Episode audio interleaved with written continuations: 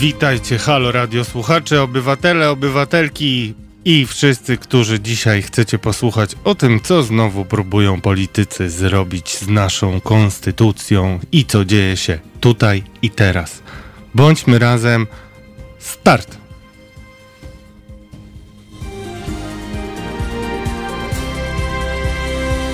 Halo Radio. Dobry wieczór, kochani. Radosław Gruca, kłaniam się Wam nisko w jedynym obywatelskim radiu Halo Radio. Przypominam Wam numery telefonów. E, numer 22 39 059 22 i teraz małpa halo.radio adres mailowy, piszcie na forum, e, odzywajcie się do mnie wszystkimi drogami, a teraz e, zapowiadany już przeze mnie gość gościni, e, czyli e, razem z nami pani profesor Anna Rakowska-Trela, konstytucjonalistka z Uniwersytetu Łódzkiego. Dobry wieczór. Dobry wieczór, panie redaktorze, dobry wieczór państwu. Bardzo dziękuję, że znalazła Pani czas. Chyba dzisiaj sie- 77 albo 99 wywiad y, Pani.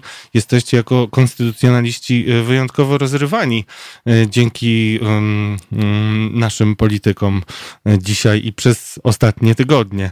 Ale Pani jest wyjątkowym gościem, gościnią, ponieważ nie tylko jest Pani specjalistką od konstytucji, ale także analizowała Pani e, stan prawa e, wyborczego, kodeksu wyborczego na 2015 rok, więc dlatego pozwoliłem sobie panią poprosić o to, żeby pani e, mocą swojego doświadczenia mm, opowiedziała nam o tym, co tak naprawdę mm, politycy nam zafundowali. Pierwsze pytanie jest takie, czy e, wybory pani zdaniem zostały skutecznie odwołane przez oświadczenie dwóch Jarosławów Gowina i Kaczyńskiego? Odpowiedź jest jasna e, i prosta. Wybory oczywiście nie zostały skutecznie odwołane, dlatego że politycy nie mają możliwości mocą swoich decyzji, swoich porozumień i uzgodnień m, odwołać wyborów. Politycy mogą podejmować e, decyzje polityczne. Jeżeli mają odpowiednią większość, to uchwalać prawo, uchwalać ustawy, oczywiście w sposób zgodny z konstytucją, natomiast nie mogą e, zatrzymać kalendarza wyborczego, nie mogą odwołać dnia wyborów. Dzisiaj się nawet zastanawiałam nad tym, e, czy słyszałam o takim przypadku gdzieś kiedyś na świecie, żeby, zarządzone, żeby, żeby zarządzono wybory i żeby one tak po prostu się nie odbyły, tak, bez e, żadnych zmian prawnych. E, I nic mi nie przyszło do głowy. Oczywiście może jest coś, jakieś wydarzenie, o którym nie wiem, no bo przecież ja też nie wiem wszystkiego, ale o ile sięgam pamięcią, a prawem wyborczym zajmuję się lat kilkanaście, już powiem szczerze, nawet troszeczkę zaczęło mnie nudzić, no bo zajmować się cały czas tym samym, to, aż tak dużo się w tym prawie wyborczym nie działo, już w szczególności w wyborach prezydenta, które są chyba najprostszymi wyborami, e, to przez te kilkanaście lat e, nie przypominam sobie takiej sytuacji, nigdzie. No, obawiam się, że, że nasi politycy obecnie dają pani e, dużo materiału do rozważań, ale koniec końców chyba większość tych rozważań prowadzi do konstatacji, że obecna władza przynajmniej e, konstytucję czyta bardzo wybiórczo i no i właśnie pytanie podstawowe. E, Czy my przypadkiem w przypadku tego oświadczenia, przypomnijmy, w, czwar- w środę wieczorem do, państwo, do Polskiej Agencji Prasowej wpada takie oświadczenie o tym, że e, politycy e, uznając e, jako pe- pewne, już nie będę teraz cytował, ale nie, nie bądźmy też, e, nie dajmy się wodzić za nos, uznając jako e, spodziewane stwierdzenie przez Sąd Najwyższy wyborów jako nieważne, generalnie ustalają, że będą szukać kolejnych terminów. Czy to w ogóle jakkolwiek jest umocowane w prawie? Bo Samo to oświadczenie wpisuje się też w ciąg różnych innych decyzji podejmowanych przez po- polityków władzy, polityków partii rządzącej, jak na przykład zapytanie pani marszałek Elżbiety Witek e, do Trybunału Konstytucyjnego, które też, e, jak rozumiem, jest bez żadnego try- trybu. Czy, czy widzi pani w tym jakąś logikę? E, Znakomita większość zarówno działań e, czy polityków, czy osób piastujących wysokie stanowiska, takie chociażby jak ministrowie czy pani marszałek Witek, ale i też aktów prawnych, ustaw uchwalanych przez Sejm, przynajmniej w zakresie prawa wyborczego, rzeczywiście są to czynności czy akty podejmowane bez trybu albo w trybie wysoce wadliwym i no, że tak powiem, na opak z konstytucją jeżeli chodzi o jakąś myśl przewodnią. Ja oczywiście nie jestem politologiem, nie jestem socjologiem, jestem prawnikiem, więc trudno mi odgadywać, jakie były intencje e, decydentów, którzy ostatecznie spowodowali, że no mamy wielki pad e, ustrojowy i tak naprawdę jesteśmy w załuku chyba bez wyjścia to zapewne były to przyczyny polityczne, czyli dążenie do tego, ażeby wybory w maju odbyły się za wszelką cenę, no wbrew warunkom y, zdrowotnym y, i wbrew tak naprawdę no naszemu bezpieczeństwu i zdrowotnemu i bezpieczeństwu dla naszego życia, no to dążenie spowodowało do no, próby uchwalenia tych przepisów o głosowaniu korespondencyjnym. Może nawet nie próby, bo słyszałam przed chwilą, nie potwierdziłam tej informacji, ale słyszałam, że prezydent tę ustawę dzisiaj wieczorem podpisał. Tak więc może ona jeszcze wejdzie w życie przed niedzielą. E, no bo to było już takie, że tak powiem, tonący brzytwy się chwyta, tak? No nie, nie puścimy ludzi do obwodowych komisji wyborczych, bo wiemy, że to może być niebezpieczne, no to zróbmy to głosowanie korespondencyjne też w sumie bez trybu i w sposób bardzo wadliwy, ale zróbmy. Tutaj na przeszkodzie też stanęły pewne no, faktyczne okoliczności. E, no i znaleźliśmy się w sytuacji tak naprawdę bez wyjścia, tak? I, i, i ona właśnie spowodowała, że politycy wpadli na taki pomysł, żeby no, zrzucić niejako ciężar e, na kogoś innego, czyli na Państwową Komisję Wyborczą i na Sąd Najwyższy, bo to są te organy, które zdaniem e, dwóch panów podpisujących to porozumienie powinny teraz powziąć działania, które spowodują rozpisanie nowych wyborów. Podstawowe pytanie, które się chyba e, powinno nasuwać wszystkim, którzy nawet mają minimalną wiedzę na temat konstytucji.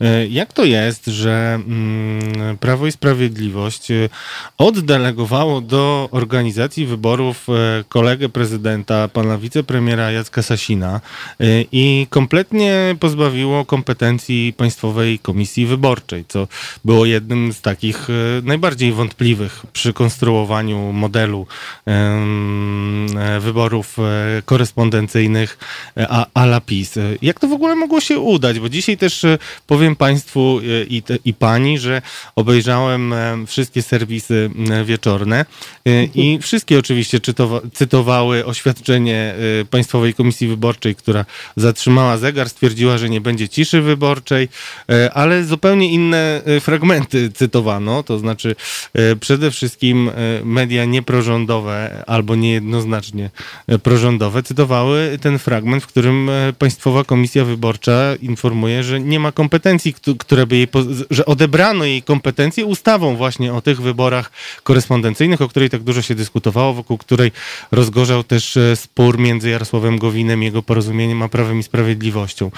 Czy tak naprawdę, mm, mm, czy to jest podstawowy problem z tymi wyborami, bo to dzisiaj one są obowiązującym prawem, mimo że wybory formalnie się nie odbyły i nie odbędą, tak? Tak, jeśli chodzi o Państwową Komisję Wyborczą, to może warto powiedzieć, co to jest za organ. Tak. To jest organ, który czuwa nad y, organizacją i prawidłowym przebiegiem wyborów. I tak jest no, u nas y, w tej historii lat 90. niemalże od początku. Co istotne, nie jest to organ konstytucyjny, to znaczy Państwowej Komisji Wyborczej nie ma w Konstytucji. Są różne inne organy, no jak wiemy, e, Sejm, Senat, Prezydent, Rada Ministrów, Rzecznik Praw Obywatelskich, Najwyższa Izba Kontroli, nawet Krajowa Rada Radiofonii i Telewizji. Natomiast e, i zdecydowano o tym jednym głosem na etapie tworzenia Konstytucji. Państwowej Komisji Wyborczej w Konstytucji nie ma. E, nie ma opisanego składu, nie ma opisanych kompetencji. W związku z tym to pozostaje no, w, do uregulowania w ustawie. No, zgodnie ze standardami państw demokratycznych, taka właśnie mm, niezależna, nie, czy niezależny organ, który zajmuje się organizacją wyborów, powinien istnieć. I u nas taki organ istniał. E, Państwowa Komisja Wyborcza przez długi czas składała się z dziewięciu sędziów, to było trzech sędziów Trybunału Konstytucyjnego, trzech sędziów Sądu Najwyższego i trzech sędziów Naczelnego Sądu Administracyjnego. E, te, ten skład uległ zmianie już zarządów Prawa i Sprawiedliwości 2017-2018. To był czas, kiedy przyjęto istotną nowelizację kodeksu wyborczego. Zrezygnowano z tego sędziowskiego składu, sędziów zostało dwóch, a reszta są to osoby wybrane przez polityków. Dlaczego o tym wszystkim mówię? E, dlatego, że ta Państwowa Komisja Wyborcza, z którą mamy do czynienia teraz, nie jest w związku z tym aż tak niezależna politycznie, jak ta, która była do. Znaczy, ta, ta, zmiana faktycznie nastąpiła w styczniu 2020 roku, bo wtedy te przepisy weszły w życie, natomiast były uchwalone w 2018 roku. Czyli ta, ta y, PKW od stycznia nie jest aż tak niezależna, jak była ta sędziowska. Jak ja pamiętam, jak się zachowywała sędziowska Państwowa Komisja Wyborcza, to ona, gdy przyjmowano takie właśnie bardzo kontrowersyjne zmiany w prawie, bardzo głośno o tym mówiła, protestowała. Ten głos przewodniczącego Hermelińskiego czy poprzednich przewodniczących było słychać. Teraz no, oczywiście też słychać głos przewodniczącego Marciniaka, yy, sędziego, ale on jest jakby troszeczkę cichszy i pojawił się na bardzo późnym etapie wprowadzania tych zmian, z którymi mamy teraz do czynienia. Mówię o tym dlatego, żeby pokazać, że ta PKW jest, już nie jest aż tak niezależna od polityków, ale, i tutaj właśnie już przechodzę po tym przydługim wstępie do e, pytania pana redaktora, ale mimo to chyba i tak politycy uznali, że gdyby powierzyć Państwowej Komisji Wyborczej, nawet tej, zorganizowanie wyborów w ten sposób, tak naprawdę bez poszanowania zasad y, prawa wyborczego i bez poszanowania naszych podmiotowych praw wyborczych, to PKW by na to y, no, w jakimś stopniu nie poszła, tak? Pojawiłyby się kłopoty. W związku z tym, moim zdaniem przynajmniej, zdecydowano się przekazać te kompetencje no, politykom, czyli ministrom, pochodzącym z partii rządzącej, tak ażeby no jak najbardziej zagwarantować to, że ta procedura się uda. No jak wiemy dzisiaj i tak się nie udała, tak? Ale myślę, że udział rządu, udział ministrów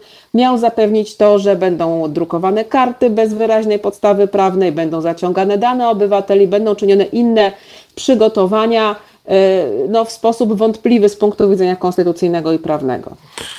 Czyli e, podsumujmy, znaczy nie jest samym problemem odebranie, e, przynajmniej w świetle konstytucji, tak, bo problemem jest odebranie kompetencji Państwowej Komisji Wyborczej, to jaki dzisiaj mamy e, w tym obecnym projekcie, który przecież mimo zapowiedzi, że będzie nowelizowany, jest obowiązujący, jeżeli jeszcze potwierdza się to, co pani powiedziała, a jeżeli się nie potwierdza, to naprawdę już wiele widzieliśmy memów o, o, o tym na przykład, jak prezes Jarosław Kaczyński podaje Andrzejowi Dudzie kota i on od razu go podpisuje, więc nie spodziewajmy się, żeby tego podpisu zabrakło od prezydenta. Mamy ustawę, która też e, ma e, szereg e, wad i ma dopiero zostać zmieniona. Czy może pani naszym słuchaczom przybliżyć, na czym polegają te wady, bo to jest tak naprawdę punkt wyjścia do dyskusji nad tym, jak ona ma być poprawiona, czyli jakie wady trzeba by było usunąć, żeby takie głosowanie korespondencyjne było zgodne z konstytucją, czyli żeby wybory były tajne i tutaj zostawiam pani głos. Mhm, dziękuję bardzo. E, tak, rzeczy, znaczy ten akt jeszcze nie obowiązuje. Nawet jeżeli został podpisany, to musi jeszcze być ogłoszony w dzienniku ustaw i on ma wejść w życie dnia następnego. Czyli, Czyli pewnie będzie dziewiątego. Ogłoszony... Mhm. Czyli pewnie będzie dziewiątego. Może być ogłoszony. Mhm. Tak, może być nawet dzisiaj ogłoszony jeszcze w Dzienniku Ustaw, bo teraz Dziennik Ustaw wychodzi tylko w formie internetowej, więc to nie ma problemu, żeby go ogłosić dzisiaj, jutro, jak tam, jak tam e, w, też no, politycy zdecydują, kiedy on powinien zostać ogłoszony. No ale też jeżeli rzeczywiście został podpisany, to z czegoś też ten e, pośpiech zapewne wynika w podpisywaniu tej ustawy przez prezydenta. E, natomiast jakie są zasadnicze wady? W istocie to odebranie e, PKW kompetencji jest no, wbrew dotychczasowym standardom. Może nie wbrew konstytucji, ale wbrew dotychczasowym standardom i tak być nie powinno. Powinniśmy iść w drugą stronę, wzmacniania niezależności PKW i jej kompetencji, a nie w stronę jej osłabiania kosztem rządu. No ale to już jest odrębny temat. Natomiast jeśli chodzi o zasadnicze wady tej regulacji, e, to one sprowadzają się po pierwsze do tego, ja od razu zaznaczę, ja nie jestem co do zasady przeciwniczką głosowania korespondencyjnego. Głosowanie korespondencyjne ma na celu zapewnić osobom, które z pewnych obiektywnych powodów nie mogą albo mają utrudniony udział w wyborach, e, ma im zapewnić, ułatwić, umożliwić oddanie głosu. Wolę głosowanie korespondencyjne od na przykład innej kodeksowej formy głosowania przez pełnomocnika, gdzie po prostu wyborca, e, nie mogący oddać głosu, powierza innemu wyborcy swój głos. To, to rozwiązanie podoba mi się zdecydowanie mniej, a mogę nawet powiedzieć, w ogóle mi się nie podoba, bo to jakbym ja oddawała swój głos, ja nie mogę skontrolować, jak ten, komu głos oddaje, ten głos e, wykorzysta. Nawet jeżeli mu ufam, to wiadomo, że to zaufanie może zostać nadszarpnięte. Tak więc nie jestem przeciwniczką głosowania korespondencyjnego, ale to, jak sama nazwa zresztą wskazuje, powinno być głosowanie alternatywne, mhm. czyli to nie powinna być jedyna metoda. E, zasadą powinno być oddanie głosu w lokalu wyborczym, właśnie z dopuszczeniem możliwości dla pewnych grup osób szerszych, węższych, różnie to ustawodawcy ujmują, innych form, w tym właśnie głosowania korespondencyjnego. To po pierwsze, czyli ta powszechność mhm. i obowiązek od głosowania korespondencyjnego. Po drugie, naruszenie naszych podmiotowych praw wyborczych. Klasyczne głosowanie korespondencyjne, które istniało w kodeksie wyborczym, polegało na tym, że przychodził listonosz, dawał wyborcy do ręki pakiet wyborczy, wyborca osobiście podpisywał odebranie tego pakietu. No potem już mógł, mógł, go schować do szuflady, zagłosować, to już była decyzja wyborcy, ale było wiadomo, że wyborca ten pakiet dostał. E, tak samo jak idziemy do lokalu wyborczego, też podpisujemy się w spisie wyborców i dostajemy do ręki naszą kartę wyborczą. Tak? Nie może pójść, e, nie wiem, mąż i odebrać dla siebie żony i pełnoletniej córki, prawda? Nie ma takiej możliwości to jest dla nas oczywiste. Natomiast w tym powszechnym głosowaniu korespondencyjnym taka możliwość, a powiem nawet więcej, więcej pewność, że w, duży, że w dużej części przypadków tak się stanie, istnieje, bo te pakiety, jak słyszeliśmy, miały nam być wrzucane jako druki bezadresowe do skrzynek pocztowych. E, no to jest zupełnie nie do przyjęcia, tak? Bo no, mogą się różne rzeczy później z tymi pakietami wyborczymi dziać. Może właśnie jedna osoba wyjąć kilka, ktoś swojego nie znaleźć. E, też adresy, tak?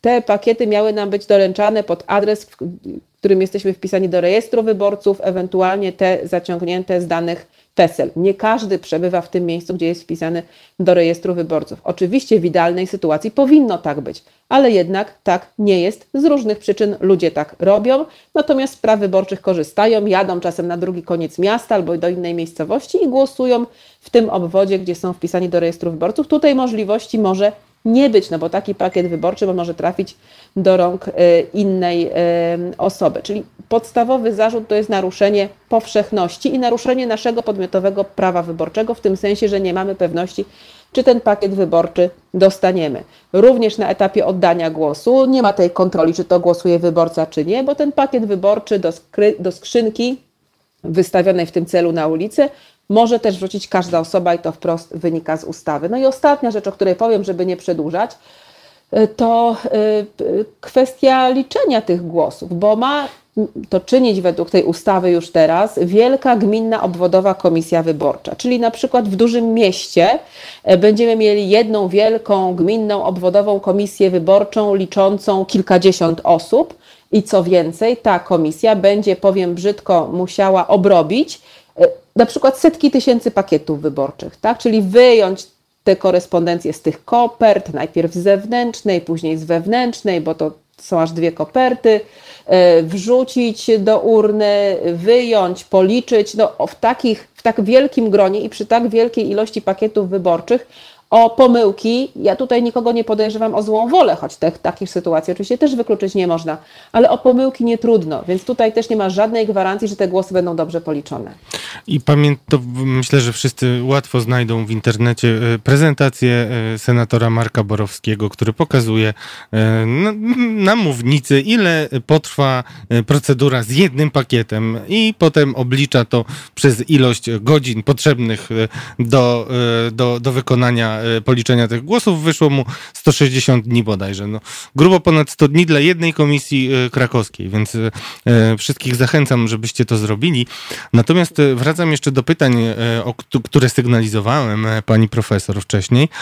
Przede wszystkim chciałem spytać, czy to nie jest przypadkiem tak, że w przypadku tego porozumienia, które dla zwolenników PiSu miało być odpowiedzią na, na pytanie, czy, czy mają iść i w jakim, i czy wszystko się dzieje zgodnie z prawem, więc to tak na, na logikę chłopską bym powiedział, być może wygląda wszystko dla ludzi, którzy nie znają prawa. E, na w miarę logiczne, ale czy to nie jest przypadkiem tak, że my mamy do czynienia z podwójnym oszustwem ze strony polityków, bo nie dość, że sami antycypują orzeczenie Sądu Najwyższego, o którym jeszcze chwilę potem porozmawiamy e, jako o organie, w którym też dużo się dzieje, e, to czyli nie dość, że przesądzają o tym, że będzie takie orzeczenie, już abstrahując od tego, że może go w ogóle nie być, o czym mówią niektórzy sędziowie w stanie spoczynku, że, mogli, że mogą roz, bez rozpoznania w ogóle y, wynik wyborów pozostawić, a nie tak jak mówi pani wicepremier Emilewicz, że zrobią protokół y, zerowy, y, cokolwiek to znaczy, to mm, ci sami politycy, podając jako pewnik wyrok, który dotyczący wyborów, które się nie odbyły, także podają to jako usprawiedliwienie dla braku swoich działań. I tutaj wyjdę do y, pani wypowiedzi, y, które, których pani udzielała w ostatnich dniach, bo pani jasno wskazała na to, że jednak są to niedociągnięcia i, i zaniedbania samych polityków. No zdecydowanie tak. E, tutaj, tutaj te niedociągnięcia, zaniedbania, e, żeby nie używać. E, no właśnie nie wiem nawet jakich słów, słów używać, bo, bo to jest, powiem szczerze, dość bezczelne w, w takiej warstwie, kiedy się odrzeć to, kiedy odrzeć sam przekaz, no to i samo zwracanie się do, do Państwowej Komisji Wyborczej, której odebrało się wcześniej kompetencje organizowania wyborów po to, żeby stwierdziła, że wybory nie mogą się odbyć, być, no to niestety pachnie taką dość tanią socjotechniką, która akurat w, w głównym serwisie e, TVP jest bardzo często stosowana i niestety patrząc na, na, na sondaże poparcia dość skuteczna. E, tak, zdecydowanie to pytanie, które zostało zadane Państwowej Komisji Wyborczej, to raczej powinno być zadane panu premierowi i panu ministrowi Sasinowi, którzy w ostatnich dniach byli taką dwuosobową Państwową Komisją Wyborczą, więc to oni powinni odpowiedzieć na to pytanie, czy wybory się da, czy się nie da zorganizować. Ale abstrahując od tego, a wracając do Sądu Najwyższego, no to rzeczywiście e, takie stawianie sprawy, że Sąd Najwyższy stwierdzi nieważność, to my sobie zorganizujemy nowe wybory, jest obarczone dwoma zasadniczymi wadami. Po pierwsze taką, że nigdy, ja oprócz tego, że pracuję na uczelni, jestem też adwokatem. E, I czasem jak pyta mnie klient, a jaki będzie wyrok? Ja mówię, proszę pana, nawet jeżeli jestem przekonana, że jestem w stanie przewidzieć rozstrzygnięcie, bo przecież czasem tak jest, ja mówię, proszę pana, proszę pani, ja nie wiem, bo nigdy nikt nie jest w stanie przewidzieć rozstrzygnięcia sądu, tak? Nawet jeżeli wydaje nam się, że mamy wszelkie podstawy do tego, żeby twierdzić, że będzie takie a nie inne. Więc tutaj ja bym to nazwała dużym tupetem po prostu, na który ja się chyba nigdy e, nie zdecydowałam. E, I, to wprost y, stanowi naruszenie niezawisłości i niezależności sędziowskiej, bo takie sugerowanie sędziom, jakie mają wydać rozstrzygnięcie, e, no jest po prostu niedopuszczalne, w szczególności jeżeli płynie z ust polityków. Po drugie, w moim przekonaniu, no panowie też um, mylą się dlatego i troszeczkę mają złudne nadzieje, że w moim, że w moim i nie tylko w moim, ale w większości konstytucjonalistów przekonaniu, Sąd Najwyższy w wielkim skrócie i uproszczeniu nie może stwierdzać ważności albo nieważności wyborów, które się nie, do, nie odbyły, w tym sensie, że nie, nie, yy, nie zakończyły się, bo oczywiście głosowanie jest tym ostatnim aktem, ale w sumie tym najważniejszym. E, jeśli chodzi o, mm, o wybory. Konstytucja zresztą wprost stanowi, że Sąd Najwyższy stwierdza ważność wyboru przez uzwykłe na końcu, a nie wyborów, mhm. a w tym przypadku nie będziemy mieli do czynienia z żadnym wyborem.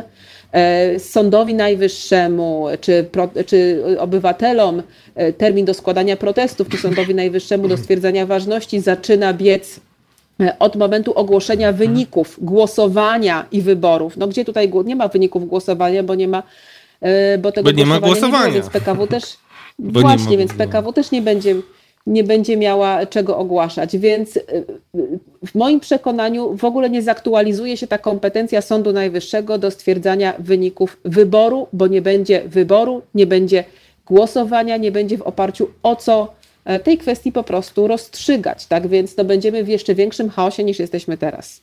No właśnie. Obym się myliła. No nie, raczej się pani nie pomyli.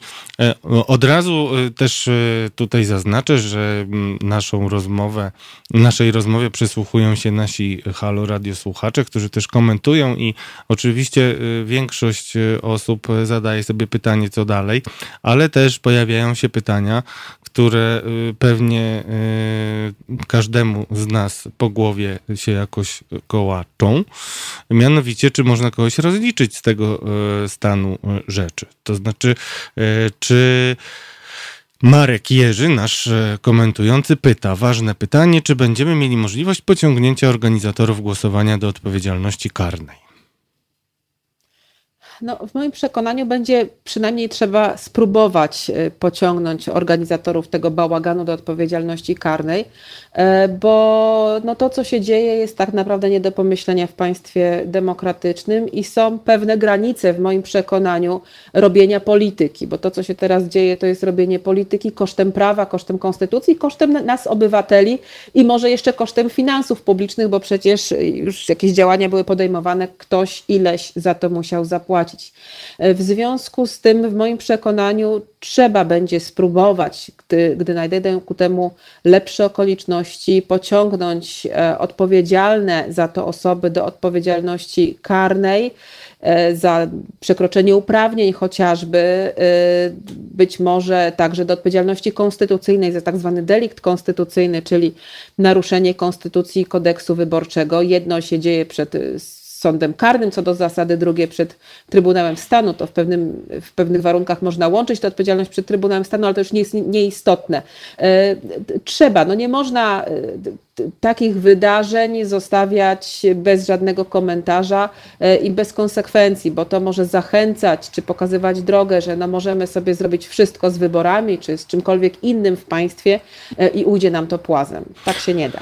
No nie da się, ale z drugiej strony ja mam takie wrażenie i często to powtarzam, że władza próbuje z nami jako społeczeństwem e, na nas przeprowadzać taki trening bezradności, czyli e, cały czas w koniec końców w dyskusjach spotykam się z taką konstatacją, nie mamy pana płaszcza i co nam pan zrobi. E, tutaj też chyba ważnym mm, do wspomnienia jest sytuacja śledztwa, które trwało trzy godziny i zostało najpierw wszczęte przez panią prokurator, prokuratury rejonowej, panią prokurator Wrzosek, a potem um, umorzone w trzy godziny.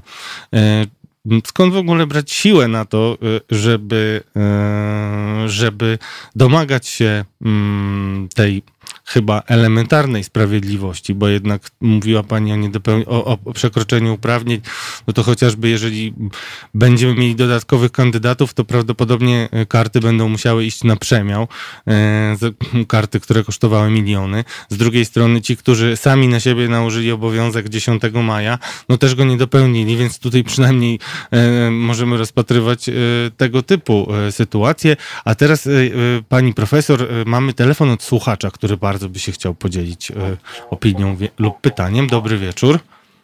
Dobry wieczór. E, ja tylko na chwilkę jedno krótkie pytanie do, do pani prawniczki, e, bo nie wiem na ile obecna ustawa, którą właśnie prezydent podpisał godzinę temu, to było na Onecie, ale jeszcze nie ma na stronach Sejmu, bo śledzę, więc nie jest ogłoszona. Pytanie jest takie, bo nie wiem na ile obecna ustawa odbiera, a, odbiera E, e, prawa e, Państwowej Komisji Wyborczej, czy w, w, w myśl obecnej ustawy w ogóle Państwowa Komisja Wyborcza ma właściwość przygotowania sprawozdania z głosowania celu, żeby przedstawić mm, sądowi. Ja zakładam, że sąd może sprawę umorzyć, przyjąć bądź nie, ale czy w ogóle komisja ma w tej chwili jeszcze zachowaną tę właściwość, że ona musi przygotować sprawozdanie, powiedzmy, że na kandydata takiego i takiego, zero głosów i tak dalej, no bo jakieś sprawozdanie prawdopodobnie będzie musiała przygotować, żeby zakończyć ten proces wyborów. Czy to jest w ogóle możliwe dla niej w tej chwili? Czy może się tego podjąć? Dziękuję bardzo. Dziękujemy Pani Bożeno. Pani profesor, może nam Pani to rozjaśnić? Tak, oczywiście już odpowiadam. E, w tej nowej ustawie odebrano Państwowej Komisji bardzo dużo uprawnień, ale to są uprawnienia związane z organizacją wyborów, czyli de facto z tym, e, z czym już teraz mieliśmy do czynienia, tak? tylko jeszcze bez tej podstawy prawnej, gdzie, gdzie tak jak powiedziałam, członkowie rządu przygotowywali wybory.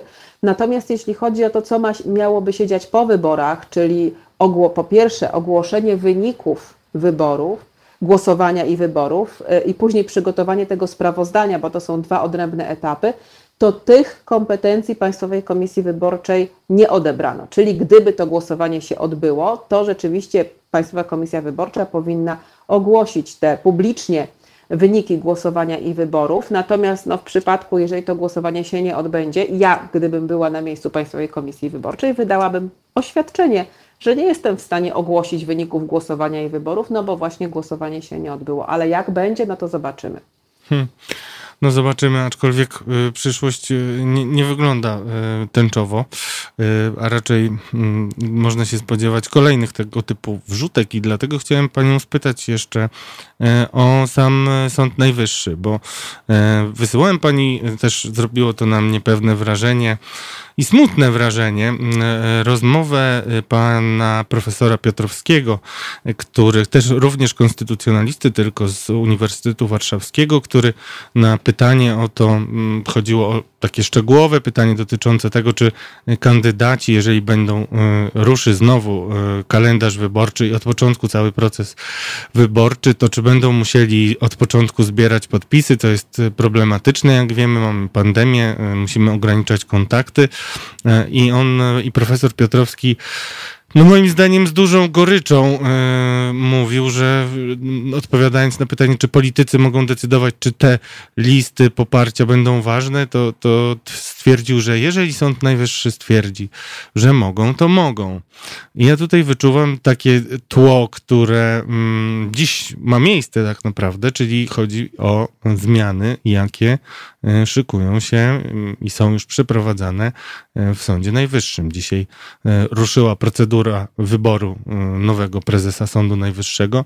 E, mm, widzimy na co dzień, co się stało z Trybunałem Konstytucyjnym i z odkryciem towarzyskim Jarosława Kaczyńskiego, czyli z panią prezes Julią Przyłębską, która do tej pory nie zrobiła żadnej niespodzianki swoim orzecznictwem. Jest ono w pełni zgodne z oczekiwaniami. E, czy podobnie, mm, czy podobne obawy e, można mieć odnośnie tego, co się stanie w Sądzie Najwyższym. Teraz PO prezesa Sądu Najwyższego został Karol, e, pan, pan doktor habilitowany Karol Zaradkiewicz, który do Sądu Najwyższego dostał się tylko dzięki temu, że koniec końców interweniował w sprawie jego wyboru Zbigniew Ziobro, który przyjechał specjalnie na posiedzenie Krajowej Rady Sądownictwa. Chciałem Państwu przypomnieć. No i jak to jest z tym Sądem Najwyższym, pani profesor? tym Sądem Najwyższym jest tak, rzeczywiście Sąd Najwyższy jest uprawniony do orzekania o ważności wyborów.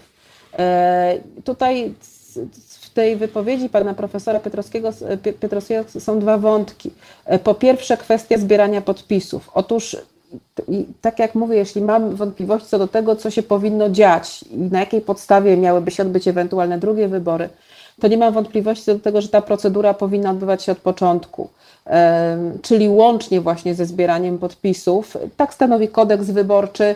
Poza tym no, te wybory zarządzone już jesteśmy po nich, tak? Za chwilę będziemy po nich, ich nie ma tak naprawdę, tak? Więc tutaj, jeżeli chodzi o podstawę prawną, to ja pomysłu nie mam, natomiast jestem przekonana, że wybory powinny, cała procedura odbywać się od nowa. Natomiast przechodząc do kwestii związanych z Sądem Najwyższym o ważności wyborów rozstrzyga, też zgodnie z regulacjami przyjętymi w, przez aktualnie rządzącą większość, e, Izba Kontroli Nadzwyczajnej. To jest taka jedna z dwóch nowych e, izb, e, z jeszcze bardziej chyba niesławną Izbą Dyscyplinarną. I Sąd Najwyższy w swojej uchwale trzech połączonych izb, tej, która dotyczyła sędziów powołanych z udziałem neo-KRS, E, niedawno, o czym już chyba powoli zapominamy w nawale aktualnych e, wydarzeń, stwierdził, że sędziowie Sądu Najwyższego obu tych izb nie spełniają wymogu niezawisłości i niezależności i w związku z tym nie powinni orzekać. E, tak więc również sędziowie tej izby, która ma rozstrzygać o ważności wyborów, zgodnie z tą uchwałą trzech połączonych izb Sądu Najwyższego, zgodnie z wyrokiem CUE wcześniejszym, powinni wstrzymywać się od orzekania. Wiemy, że tego nie robią, podobnie zresztą jak y, sędziowie Izby Dyscyplinarnej, przy czym trzeba oddać sprawiedliwość akurat sędziom tej Izby Kontroli, że mimo, że nie wstrzymują się od orzekania i wstrzygają sprawy, to ich orzeczenia nie są tak jednoznaczne, jak orzeczenia, czy jednoznacznie po stronie aktualnie, czy, czy jednoznacznie zgodne z oczekiwaniami aktualnie wiążącej, y, rządzącej większości, jak orzeczenia Izby Dyscyplinarnej i Trybunału Konstytucyjnego. Y, ich orzeczenia dotyczące protestów wyborczych, chociażby w wyborach senackich, y, czy inne ich rozstrzygnięcia, niekoniecznie są po, woli, po, myśli, woli, po myśli i woli rządzących. Zresztą tak samo jak ostatnia, chyba wczorajsza czy dzisiejsza wypowiedź pani prezes tej Izby, która była zdziwiona porozumieniem i postawą polityków oczekujących takiego, a nie innego rozstrzygnięcia. Więc ja nie mam wątpliwości, nie mam wątpliwości, że ta Izba będzie rozstrzygać, natomiast nie jestem przekonana, że orzeknie tak, jak politycy e, się tego spodziewają. Tak pani myśli. Znaczy, bo to też jest, e, chciałem, drodzy słuchacze i, i też pani profesor yy, yy, uświadomić, yy, że to właśnie pani profesor jako chyba jedyna zwraca uwagę na to, że wszyscy sędziowie Izby, która ma orzekać o ważności wyborów, są powołani właśnie w tym trybie, który jest wskazywany jako no, wątpliwy, w związku z tym powinni się wyłączać. Czyli, że ta Izba realnie w całości jest e, mm, w świetle, e, w świetle uchwały e, połączonych izb Sądu Najwyższego no powinna być nieaktywna, co nam, co powoduje jeszcze większy problem, jeżeli weźmiemy pani uwagę jako mm, tą, którą należy rozstrzygnąć. Jak to w takim razie rozstrzygnąć? Bo to jest jakby nie widziałem u nikogo innego tego spostrzeżenia, na które pani zwraca uwagę, pani profesor. Jak to rozstrzygnąć wobec tego? O tym, o tym się, o tym mówiono, tylko to już było jakiś czas temu, no później zaczęły się dziać inne rzeczy i może gdzieś ten problem na chwilę w związku z tym, co się działo aktualnie i w bieżącej chwili e, gdzieś tam został zapomniany, ale zwracano uwagę już wcześniej na problem właśnie Izby Dyscyplinarnej i Izby Kontroli Nadzwyczajnej. Inaczej jest w przypadku sędziów sądów powszechnych, tak? Tam mamy inne procedury, inne standardy. Tutaj Sąd Najwyższy jednoznacznie te kwestie rozstrzygnął. Natomiast no, gdyby przyjąć, że y, rzeczywiście tak jest, no to po prostu powinna rozstrzygać inna izba, ale to zapewne powinno stać się na mocy decyzji pierwszego prezesa Sądu Najwyższego. Wiemy, jaka jest teraz sytuacja, tak więc ja mi się tutaj cudów raczej nie spodziewała. Y, natomiast no, być może powinna to być Izba Pracy ponownie, ta, która rozstrzygała wcześniej, no ale ja tutaj nie mam złudzeń, że będzie tutaj Izba Kontroli Nadzwyczajnej. Okej, okay, czyli to, to w takim razie już podsumowując na sam koniec, um, chciałem Panią jeszcze spytać o ogólną konstatację, też korzystając z tego, że jest Pani nauczycielem e, akademickim, um, reprezentuje Pani Uniwersytet Łódzki. I zastanawiam się, um, Czym dzisiaj w ogóle jest e, ustawa zasadnicza? Realnie. E, bo często do niej się odwoływała opozycja uliczna i opozycja, która krzyczała na sali plenarnej konstytucja, konstytucja. E, PiS z tego sobie drwił. Wygrał kolejne wybory. Po czym jeszcze bardziej chyba zadrwił ze, z całej poprzedniej kadencji właśnie pod hasłem Konstytucja, Konstytucja e, i wmawia ludziom, że tak naprawdę to uporczywe dążenie do tego, żeby zorganizować wybory jak najszybciej, o czym ja wprost mówię mm, w każdej mojej audycji, że wynika tylko i wyłącznie z politycznej kalkulacji, żeby zdążyć zanim wszystko się wywali, to tak, e, żeby pani miała jasność, w jakim kontekście pytam. Więc pani profesor, czy to nie jest e, tak, że my już chyba pozwoliliśmy um, uczynić konstytucję y, ustawą i prawem nieco martwym, ze względu na to, że nie wystarczająco artykułowaliśmy y, nasz sprzeciw, to po pierwsze, ale może niewystarczająco utrwaliliśmy konstytucję jako ustawę zasadniczą w społeczeństwie. Społeczeństwo nie wiedziało dokładnie, czym jest konstytucja i dlatego też tak łatwo przeszło do porządku dziennego nad faktem brutalnego gwałtu na niej, który dokonuje się systematycznie, a koniec końców staje się wręcz szyderstwem, bo tłumaczenie, że to konstytucja nakłada na polityków obowiązek zorganizowania wyborów w trakcie pandemii, jest y, dla ludzi inteligentnych, moim zdaniem, obraźliwe. Co tutaj się stało tak naprawdę i czy mamy jakikolwiek pomysł na to, jak e, konstytucję znowu postawić na piedestał tam, gdzie powinna, dla każdego prawnika i polityka? stać? To jest trudne pytanie. Wydaje mi się, że przede wszystkim dlatego, że my, e, jeśli chodzi o te nasze tradycje konstytucyjne, to one są jednak krótkie i takie raczej, no, raczej kończące się przykro, tak? E, jeśli chodzi o konstytucję 3 maja i później jeśli chodzi o konstytucję międzywojenne i konstytucję marcową i później e, konstytucję kwietniową, która no też stanowiła takie odejście od tych zasad demokratycznych, no, później okres powojenny i, i w sumie dopiero taka dobra tradycja konstytucyjna zaczęła się w 1989 roku. Oczywiście to wszystko trwało powoli. Uchwalono konstytucję z 90 2007 roku i przez ten czas aż do 2015 wydawało się, że no jednak oprócz tego, że jest to jakiś akt prawny o najwyższej mocy prawnej, no to traktujemy ją też jako taką umowę społeczną, której się wszyscy trzymamy. Tak? Możemy się różnić poglądami, ale funkcjonujemy według wspólnych zasad, przynajmniej się staramy, czasem różnie je rozumiemy, ale też w pewnych granicach rozsądku. E, to, co pozytywnego widzę w tej całej sytuacji, z którą mamy do czynienia też od 2015 roku, to to, że jednak konstytucja, o której może wcześniej mówiło się mało, stała się też symbolem. Ja nie mówię, że dla wszystkich, ale dla znacznej części społeczeństwa. E, I w, tym, w tej kategorii też powinniśmy oczywiście konstytucję rozstrzygać. Nie każdy ją zna, ale każdy z tych, którzy właśnie za taki symbol ją uważają, e, można powiedzieć, że intuicyjnie czują, co w niej jest. I ja bym chciała, żebyśmy my wszyscy, którzy zajmujemy się prawem, E, w, mówili o tym jak najczęściej, jak najgłośniej, tam gdzie się da, nie tylko do studentów, ale i na różnych, przy różnych innych okazjach, do uczniów, czy na różnych spotkaniach otwartych, żebyśmy o tej konstytucji dyskutowali, nawzajem się jej uczyli, e, bo to też jest wartość i ja myślę, że to oczywiście nie przyniesie efektów od razu, ale że w przyszłości mimo wszystko znowu wejdziemy na właściwe tory i że będzie dobrze.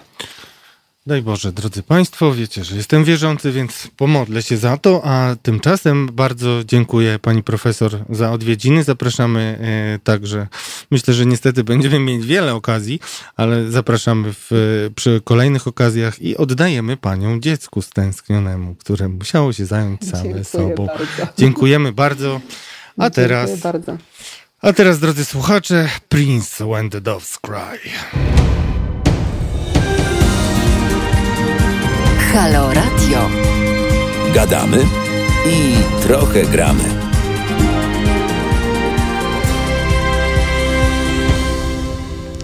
Dobry wieczór, halo radio słuchacze, halo radio słuchaczki. Z nami e, nasz kolejny gość. Gościni, nie wiem czy akceptuje e, e, formę gościni nasz gość. Redaktor Dominika Długosz-Gierszewska, absolutna legenda parlamentarnego dziennikarstwa, obecnie Newsweek. Dobry wieczór, pani redaktor. Dobry wieczór, panie redaktorze. Wolałabym gościnnie i też redaktor, a nie redaktorka, jakbym mogła. To, tak jest, dobrze. To, to od razu na początku. Jesteśmy radiem obywatelskim, przegłosowane. W takim razie pani głos jest decydujący. Pani redaktor, chciałem w takim razie mm, zacząć od krótkiego przedstawienia, dlaczego też e, panią wybrałem e, dzisiaj, ponieważ moi drodzy e, słuchacze, pani Dominika posiada absolutnie wyjątkową wiedzę. Spędziła na tak, przy tak zwanym stoliku dziennikarskim wiele, wiele lat. Widziała już bardzo wiele, ale chyba takich rzeczy, które widzimy obecnie, nawet w koszmarze żadnym nie wyśniła. Co możecie, czego możecie sami doświadczyć, czytając e, twórczość na Twitterze pani Dominiki. E, I zachęcam do tego, bo jest to wyjątkowe spojrzenie. Pani Dominiko, pani redaktor, chciałem spytać, e, jak m, pani m, prognozuje m, najbliższe tygodnie, bo e, mamy wybory, które się nie odbędą, które już e, po e, podpowiedzi polityków Jarosława Gowina i Kaczyńskiego mają zostać stwierdzone jako nieodbyte przez Sąd Najwyższy. E, to wszystko jest e, sytuacją bezprecedensową. E, no i co będziemy mieli w następnym tygodniu, bo można się spodziewać jeszcze wielu zwrotów akcji wielu zwrotów akcji, ale przede wszystkim kolejnego chaosu, bo to, to, że y, tych wyborów jednak nie ma, że nie możemy do nich no nawet nie pójść, tylko że nie możemy wysłać listu, chociaż y, bardzo wielu wyborców deklarowało, że w ogóle nie zamierza tego zrobić, e, to wcale nie załatwia sprawy. Znaczy nie załatwia to sprawy ani z punktu widzenia prawnego, o czym przed chwilą rozmawiałeś, panie redaktorze, e, e, ze swoim poprzednim gościem, ani z punktu widzenia politycznego, ani z punktu widzenia uspokojenia nastrojów, ani z punktu widzenia jakiejkolwiek próby porozumienia się opozycji z partią rządzącą. Znaczy, to nie załatwia tak naprawdę niczego, tylko nawarstwia y, kolejne problemy. Dlatego, że y, przecież to, że po pierwsze Sąd Najwyższy nie stwierdza ważności wyborów, tylko wyboru prezydenta. Sąd Najwyższy stwierdza ważność tego ostatniego aktu, czyli głosowania, a nie całego procesu wyborczego. Ten cały proces wyborczy, z jakim mieliśmy do czynienia y, do tej pory, jest procesem, który był obarczony potworną liczbą błędów. E, dalej, PKW też musi coś z tym zrobić. PKW już, już wystosowało oświadczenie, w którym mówi, te wybory, no nie z naszej winy, bo nie dostaliśmy instrumentów, nie mogą się odbyć. No czyli co, teraz PKW się musi spotkać w poniedziałek czy wtorek i powiedzieć co? Bo normalnie po wyborach Y, PKW y, podejmuje uchwałę, że głosowało tylu i tylu, uprawnionych kart wydano tyle i tyle, pakietów wysłano tyle i tyle, Ta, ten pan zdobył tyle głosów, ten pan zdobył tyle głosów i tak dalej. A teraz co ma PKW powiedzieć? Że frekwencja zero, wydano kart zero, pan zdobył 0% głosów i tak wszystkich 10, 9 panów i jedna pani? Przecież no, to jest, tak, tak, to jest absurd. Tak, pani wicepremier e, Emilewicz dzisiaj twierdziła, że zostanie takie uznane właśnie w wyniku zerowego. Ale przecież to jest absurd, tylko że jeżeli tylko y, pani y, wicepremier Emilewicz najwyraźniej znowu czegoś nie doczytała, dlatego że y, jeżeli PKW uzna, że te wybory z wynikiem zerowym de facto się odbyły, to teraz należy zamknąć komitety wyborcze dlatego że przepisy o wyborach i o finansowaniu partii mówią wprost, y, po wyborach zamyka się rachunki bankowe, na które zbierane były pieniądze na kampanię wyborczą. A to oznacza, że trzeba y, zlikwidować komitety wyborcze, które na mocy prawa też się likwidują w ciągu 60 dni i tak dalej, i tak dalej. To nie jest tak, że oni sobie wydadzą uchwałę, że te wybory mają wynik 0-0 i wszystko teraz pobite gary zaczynamy od początku. No nie jest. To, to tak nie jest. Po, po prostu tak być nie może. I, I teraz będą kolejne problemy związane z nowelizacją tego prawa, które zostało dzisiaj podpisane przez prezydenta. Wczoraj wyszło z Sejmu. Przecież tego nie da się naprawić. Przecież wszyscy wiemy, że tej ustawy nie da się naprawić. Trzeba ją napisać od początku. Bo ja na przykład jestem absolutną zwolenniczką głosowania korespondencyjnego, a nawet dalej, głosowania przez internet. Tylko nie udawajmy, nie róbmy sobie żartów, że można to napisać w trzy godzinki, zrobić porządne prawo, które zagwarantuje nam wszystkie, y, y, wszystkie warunki wyborów demokratycznych, czyli tajność, czyli y, bezpośredniość, czyli przejrzystość i tak dalej, i tak dalej. Pani redaktor, Trudno sobie wyobrazić, mhm. w jaki sposób będą przyklepywać to nasi rządzący. Niemniej jednak e, już przyzwyczailiśmy się, że będą to pewnie robić. E, pytanie mm, jeszcze moje e, dotyczy samych okoliczności mm, wyjścia z tej sytuacji. I moje pytanie do pani jest następujące. Jak pani myśli, dlaczego Prawo i Sprawiedliwość tak bardzo obawia się wprowadzenia stanu klęski żywiołowej, na przykład, które przecież mogło mogłoby być pewnym rozwiązaniem. Skąd taka niechęć? Bo o tym, że y, nasza władza gra na czas, chyba nikt nie ma e, żadnych wątpliwości. Więc y, dlaczego takie wygibasy konstytucyjne? I czy może być tutaj jakimś tropem chęć zwalenia znowu odpowiedzialności za wielki fuck up, jaki był z wyborami na wszystkich innych poza nami, bo tutaj winna jest opozycja, trochę półgębkiem, ale jednak wskazuje się na PKW, Bogu ducha winną e, i nakłada się presję na Sąd Najwyższy. Ale dlaczego politycy Prawa i Sprawiedliwości tak bardzo się tego obawiają, pani zdaniem? Dlatego, że my się od bardzo wielu tygodni, żeby nie powiedzieć miesięcy, już nie obracamy w sferze polityki, tylko w sferze, powiedziałabym, psychologii. Żeby nie pójść dalej i nie powiedzieć psychiatrii, bo w moim przekonaniu tu nie chodzi o nic innego już w tej chwili, tylko o to, żeby nie zrobić tego, czego chciała opozycja. Ponieważ można było z tego stanu nadzwyczajnego, jakim jest stan klęski żywiołowej, wybrnąć. Można było do, zrobić dokładnie to, co proponował Jarosław Gowin. Wprowadzić stan klęski żywiołowej na weekend. Dlaczego nie? Tak? Mhm. Można go wprowadzić było w zeszłym tygodniu na weekend z powodu suszy. Można go było wprowadzić w tym tygodniu z dowolnego powodu. Można go było wprowadzić, kiedy zaczęła płonąć e, Puszcza Białowieska E, przepraszam, Biebrzański Park Narodowy, e, można było wprowadzić stan klęski żywiołowej z tego powodu. To by dawało otwarcie i przesuwało te wybory o 90 dni, bo tak, tak zapisano w Konstytucji. Ale uważam, że jedynym powodem, dla którego Prawo i Sprawiedliwość nie chce wprowadzić tego stanu, jest to, że opozycja cała, bo tutaj i lewica, te, która z jakiegoś powodu uważa, że jej największym wrogiem jest Platforma Obywatelska, a nie PiS, też chciała wprowadzenia stanu klęski E, żywiołowej. I moim zdaniem to naprawdę jest jedyny powód, bo gdyby, ja pomijam to, że uważam, że nie, nieakceptowalne jest argument, że nie możemy wprowadzić stanu klęski żywiołowej, bo musielibyśmy płacić odszkodowania obywatelom, to uważam, że to jest po prostu niepoważne, e, że władza używa tego rodzaju argumentu.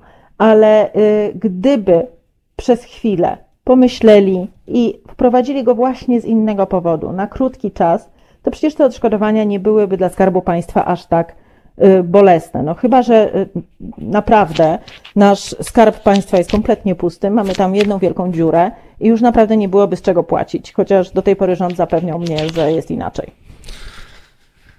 Pewnie się tego szybko nie dowiemy, przynajmniej e, nie będziemy mieli dostępu do informacji, bo to już powtarzałem wielokrotnie, mm, ustawa covidowa też nam zamknęła mm, dojścia e, do e, informacji, ale moje pytanie jeszcze mm, dotyczące tego oświadczenia, chciałem spytać panią o ocenę tej sytuacji, mhm. ponieważ opozycja dość gremialnie zaczęła takie szlochy po tym oświadczeniu, oświadczeniu, że Gowin zdradził, y, nie można było mu ufać. Y, Robert Biedroń, chyba najbardziej zagorzały krytyk, mówił razem z Włodzimierzem Czarzastym, że nie należy siadać z oszustem do stołu. Dużo w tym jest emocji, ale też jest jakaś polityczna kalkulacja. Jak pani ocenia to ostateczne rozwiązanie konfliktu czy uważa Pani, że ten konflikt już jest zażegnany? Jak w ogóle na, w, w, po tym rozstrzygnięciu wygląda sytuacja polityczna Jarosława Gowina? Znaczy, panie redaktorze, tu jest ze trzy pytania, naliczyłam tak w tym jednym pytaniu. Tak no więc e, od początku, od tej e, e, dość historycznej reakcji lewicy. Znaczy, ja tego nie rozumiem, bo jednak jak ktoś tak, aż takie duże emocje w politykę angażuje, to, to, to zaczyna, to przestaje trochę trzeźwo myśleć i, i, i zaczyna kierować się tymiż emocjami, a nie po, polityczną analizą i politycznym y, rachunkiem. Jarosław Gowin zachował się jak polityk. Znaczy, może nam się to podobać albo nie, możemy to moralnie oceniać nisko bądź wysoko, możemy się z tym zgadzać albo nie, ale on zrobił dokładnie to, zachował się politycznie, zachował się jak polityk. Nie ma co mieć pretensji do polityka, że zachowuje się jak polityk. Jest cyniczny? Jest. Wiadomo to nie od dzisiaj, nie od przedwczoraj. Jest wyrachowany? Oczywiście. Y, jest osobą, którą trzeba traktować z bardzo daleko idącym dystansem? Jasne. Ale osiągnął dokładnie ten cel, który sobie założył. Zdobył podmiotowość w układzie z Jarosławem Kaczyńskim, której do tej pory nie miał. Jarosław Gowin był tym zawsze gorzej traktowanym koalicjantem. O ile y, ludzie Jarosława Kaczyńskiego, ludzie Prawa i Sprawiedliwości dość poważnie traktują Zbigniewa Ziobro i jego ludzi, to zawsze bardzo mało poważnie traktowali Jarosława Gowina i całe jego porozumienie. W tej chwili Gowin zdobył podmiotowość i o to mu chodziło. On doskonale wie, że ten układ z Kaczyńskim nie będzie trwał wiecznie, on nawet nie dotrwa do końca tej kadencji. No ale y, y, na koniec kadencji też nie miał gwarancji, że znajdzie się znowu na listach, nie miał gwarancji, że dostanie się y, znowu do parlamentu, nie miał gwarancji, że po drodze Jarosław Kaczyński go po prostu nie wchłonie, tak jak zamierza to zrobić z Solidarną Polską. I postawił wszystko na jedną kartę. Nie wiem, czy to był z jego strony krok politycznie rozsądny, no ale ten moment wybrał na swoje polityczne, na swój polityczny ruch. No i osiągnął dokładnie to, co chciał. Postawił Kaczyńskiemu pewne warunki, które mają zostać spełnione, i tutaj chodzi głównie o pieniądze, oczywiście, bo tu chodzi o subwencje. E, trzeba pamiętać, że partie, które są w koalicji z e, Prawem i Sprawiedliwością, nie dostają ani grosza z budżetu państwa, mimo że PiS dostaje największy kawałek z e, partyjnych pieniędzy. I Jarosław Kaczyński przez pięć lat koalicji im nie dał ani grosza. Obiecał im po wyborach, że Prawo i Sprawiedliwość zaproponuje projekt ustawy, która miałaby to E, uregulować i słuch po o tym projekcie zaginął, nie ma. W tej chwili e, Gowin miał dostać obietnicę, że ta sprawa wróci i że e, jednak pieniądze dla tych mniejszych partnerów się znajdą. I o to mu chodziło. Chodziło mu o to, żeby zaistnieć, żeby zbudować się w układzie z Kaczyńskim i żeby wywalczyć od niego pieniądze na działalność własnej partii. Bo no, umówmy się, że żadna partia bez pieniędzy nie da rady. I to ma. To, że opozycja w pewien sposób weszła w tą grę, też mnie nie dziwi. No, znaczy, polity, polityka polega na tym, że się rozmawia. E, politycy Platformy Obywatelskiej dość wprost mówią w tej chwili, gdybyśmy my nie zaczęli gadać z Gowinem, gdybyśmy my nie siedli z nimi do stołu, gdybyśmy my nie ciągnęli tej historii, to przecież Gowin po trzech dniach by powiedział, no sorry, dobra, to właściwie ja nie mam z kim rozmawiać, no to niech będzie tak, jak chce Jarosław. A skoro udało się tę grę ciągnąć tak długo, do momentu, kiedy Gowin postawił Kaczyńskiego pod ścianą, no to znaczy, że było warto. I yy, właściwie trudno się z nimi nie zgodzić. No, ta reakcja lewicy dla mnie jest kompletnie niezrozumiała. Znaczy, zachowują się, jakby w ogóle nie wiedzieli, jak się uprawia politykę, i jakby ta, cały czas tę politykę traktowali yy, no, trochę właśnie w kategoriach, powiedziałabym, bardzo. Hmm, jak je, jak je określić, żeby ich wszystkich nie obrazić razem, w kategoriach bardzo dżentelmeńsko-staroświeckich. No a tutaj naprawdę, tutaj nie ma sentymentów. To jest twarda gra dla twardych ludzi i, i, i trzeba się do tego przyzwyczaić. Z pewnością, chociaż jest to trudne i nie wiem, czy trzeba, bo jeżeli się przyzwyczaimy do tego, to yy, możemy zwątpić. Nie, ale ja, panie redaktorze, żeby Panie redaktor, żeby nie było wątpliwości, ja nie mówię o ocenie moralnej mhm.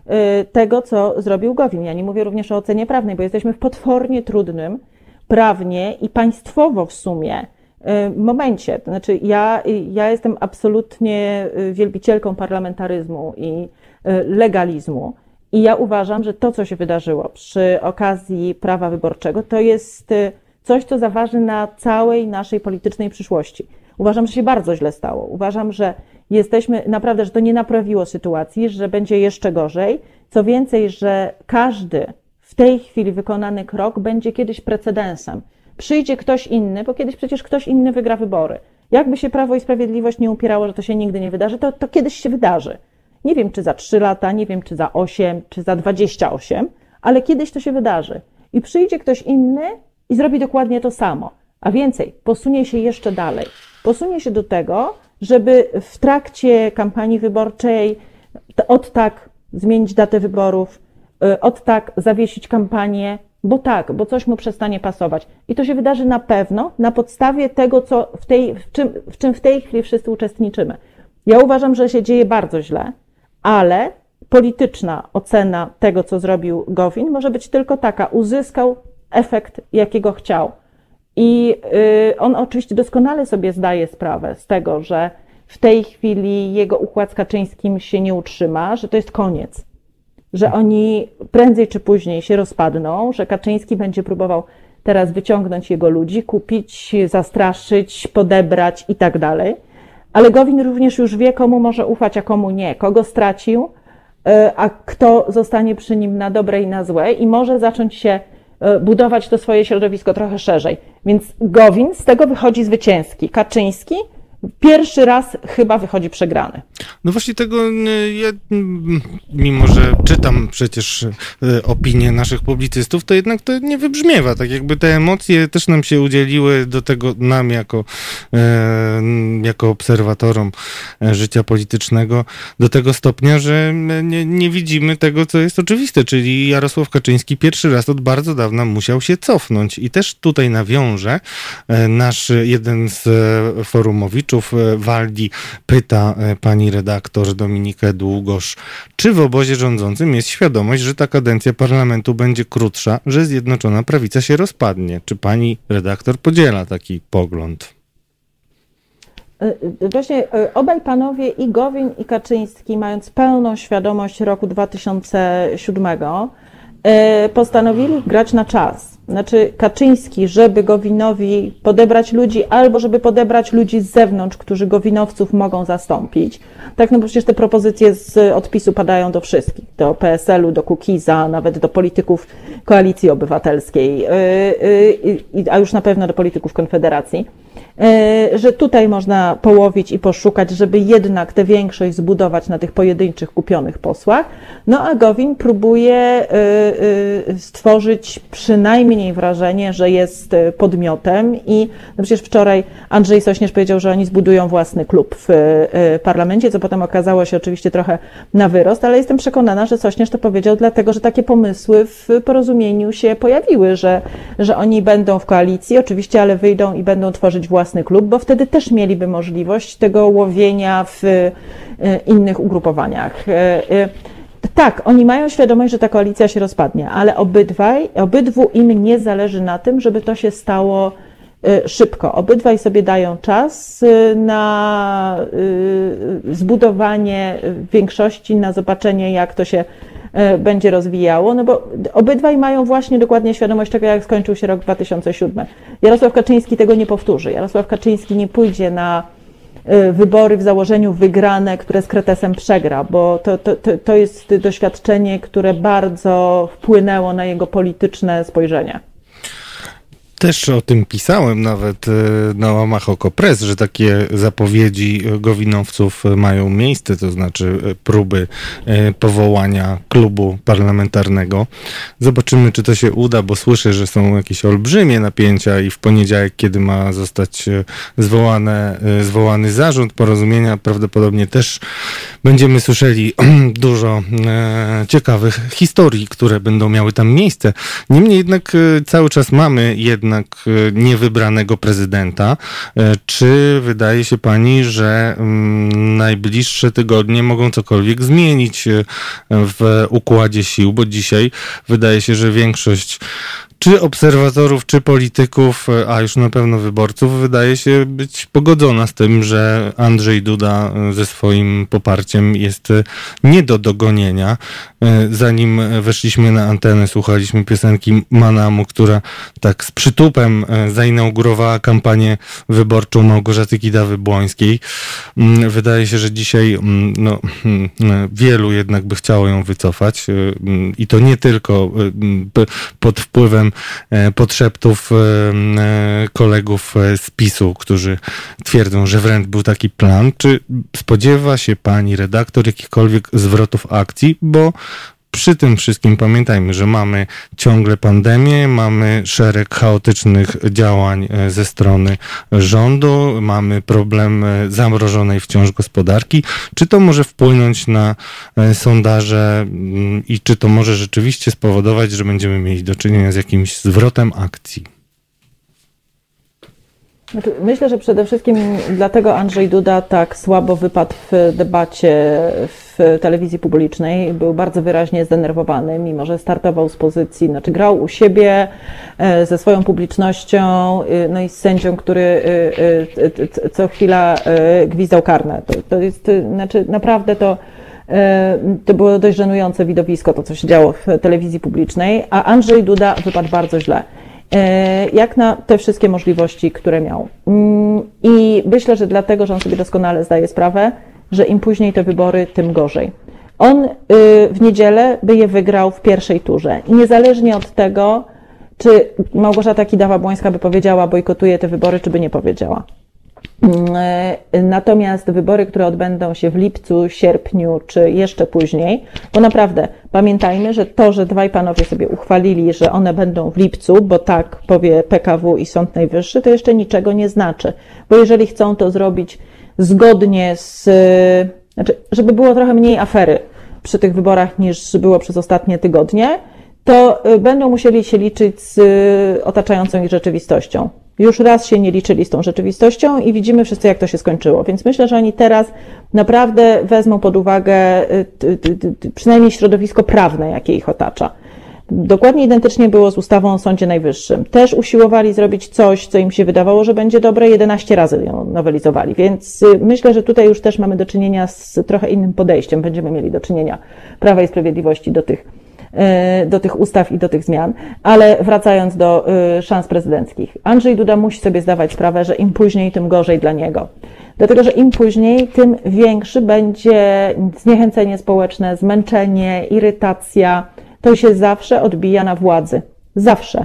Bo jeżeli władza nas zamknęła w domu i e, chce nakładać kolejne ograniczenia, to poluzowanie jest takie, powiedziałabym, nie do końca i nie wiadomo właściwie o co tej władzy chodzi z tym koronawirusem i czego ona od nas oczekuje, to ludzie się denerwują na tę władzę. No przecież nie na opozycję, to przecież nie opozycja każe im siedzieć w domu, to przecież nie opozycja trzyma dzieci w domu zamiast wysłać je do szkoły, to przecież nie opozycja y, y, mówi, że tych zakażeń jest tyle i tyle, a widać ze statystyki, że musi być więcej. To, to wszystko powoduje, że ludzie się denerwują. Ta, tarcze kolejne antykryzysowe nie działają.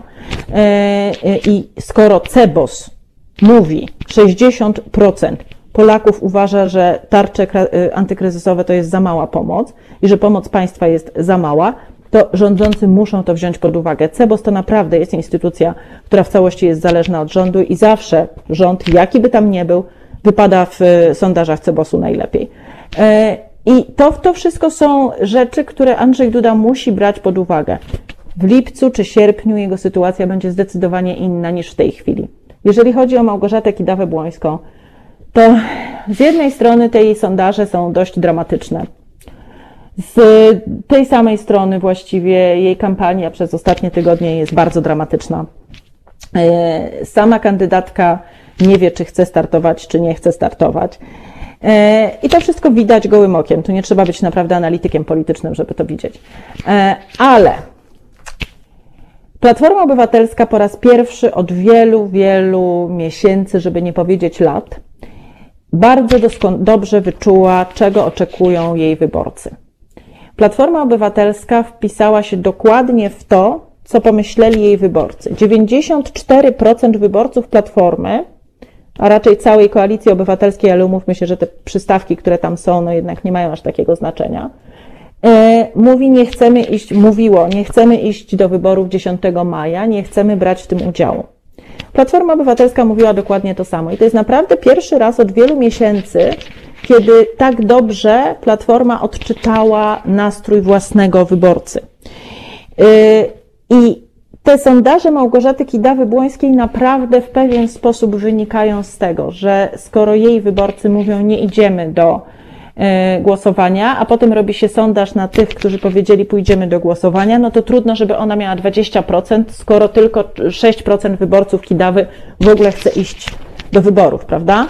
Czyli oni są e, poza Podobnie... tym sondażem, bo to, to jest bardzo taka tak. częsta, prosta manipulacja. To znaczy to, że e, tak. Kidawa Błońska ma w sondażach 4, 6 czy nawet 2%, nie oznacza, że ona ma realnego poparcia 2, 4, 6%, tylko że to jest wśród tych, którzy mimo tego, że ona zachowuje się pivotalnie, jakby tutaj powiedział może Marek Belka, mhm. e, y, deklaruje no, raz tak, raz tak i, i, generalnie większość jej wyborców raczej wybiera bojkot i niechęć do, e, do, do pójścia Y, na, na wybory. Dokładnie tak, mhm. dokładnie. Po prostu tych jej wyborców w tej puli pytanych o to, na kogo zagłosujesz, jak pójdziesz do wyborów, nie ma, bo oni mówią, nie pójdziemy do wyborów. I to jest y, to, to, to dość prosto wtedy wykazać, że ona ma 2 czy 4%.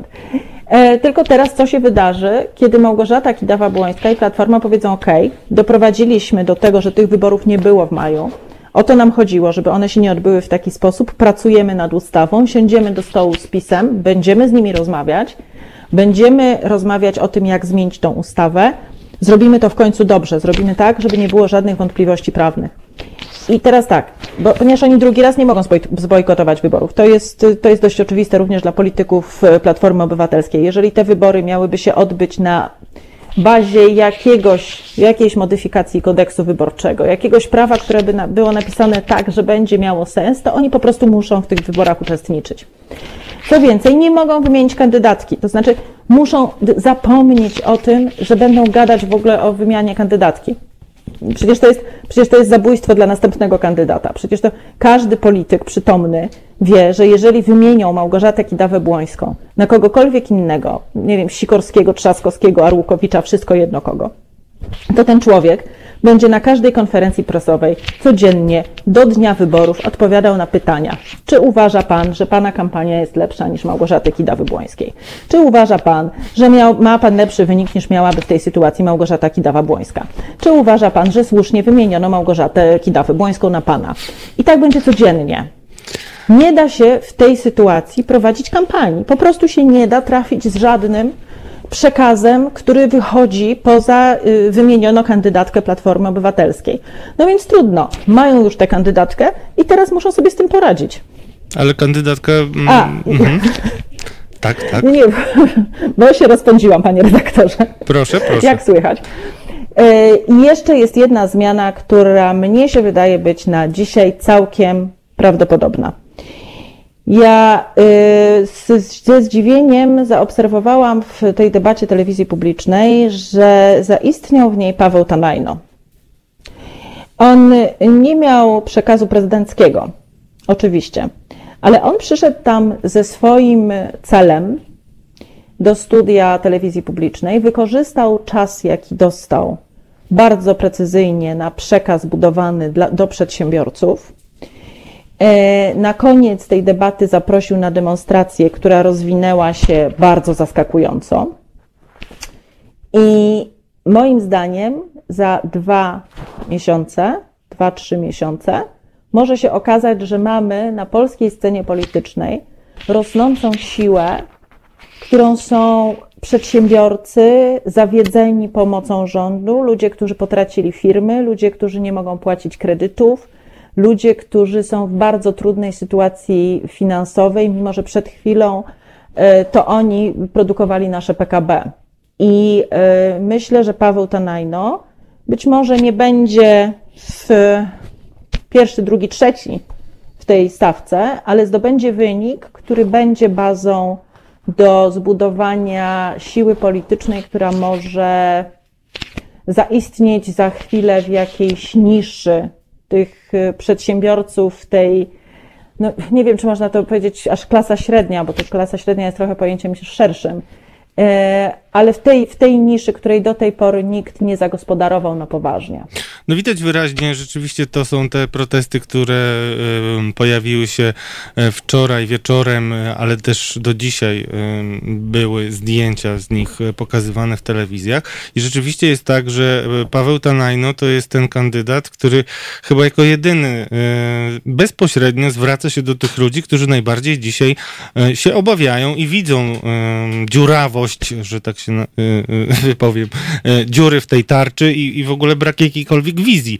E, tylko mam pytanie, czy ty przypadkiem nie pomyliłaś efektu Pawła Tanajno, pani redaktor, z e, tym planem, który jest dla Szymona Hałowni, który też przecież zaczął wzrastać w sondażach w ostatnich tygodniach, w internecie absolutnie rządzi. E, no, Życzliwie przemilczę jego rozpłakanie się, e, e, które no nie, było. A ja nie, ja nie jestem aż no tak, proszę. ja nie jestem aż tak życzliwa, panie redaktorze, dlatego że ja uważam, że w polityce ważne są momenty. I to był moment, w którym e, Szymon Hołownia stracił szansę na dobry wynik w tych wyborach. A dlatego, dlaczego? Że, mhm. Dlatego, że prezydent z całym szacunkiem nie płacze nad konstytucją. Znaczy, y, to, to, nie jest, to nie jest gra dla, jak już powiedziałam dzisiaj, to nie jest y, gra dla ludzi o, miękkich, o miękkim sercu. Polityka to jest naprawdę twarda impreza. I y, ja rozumiem wzruszenia.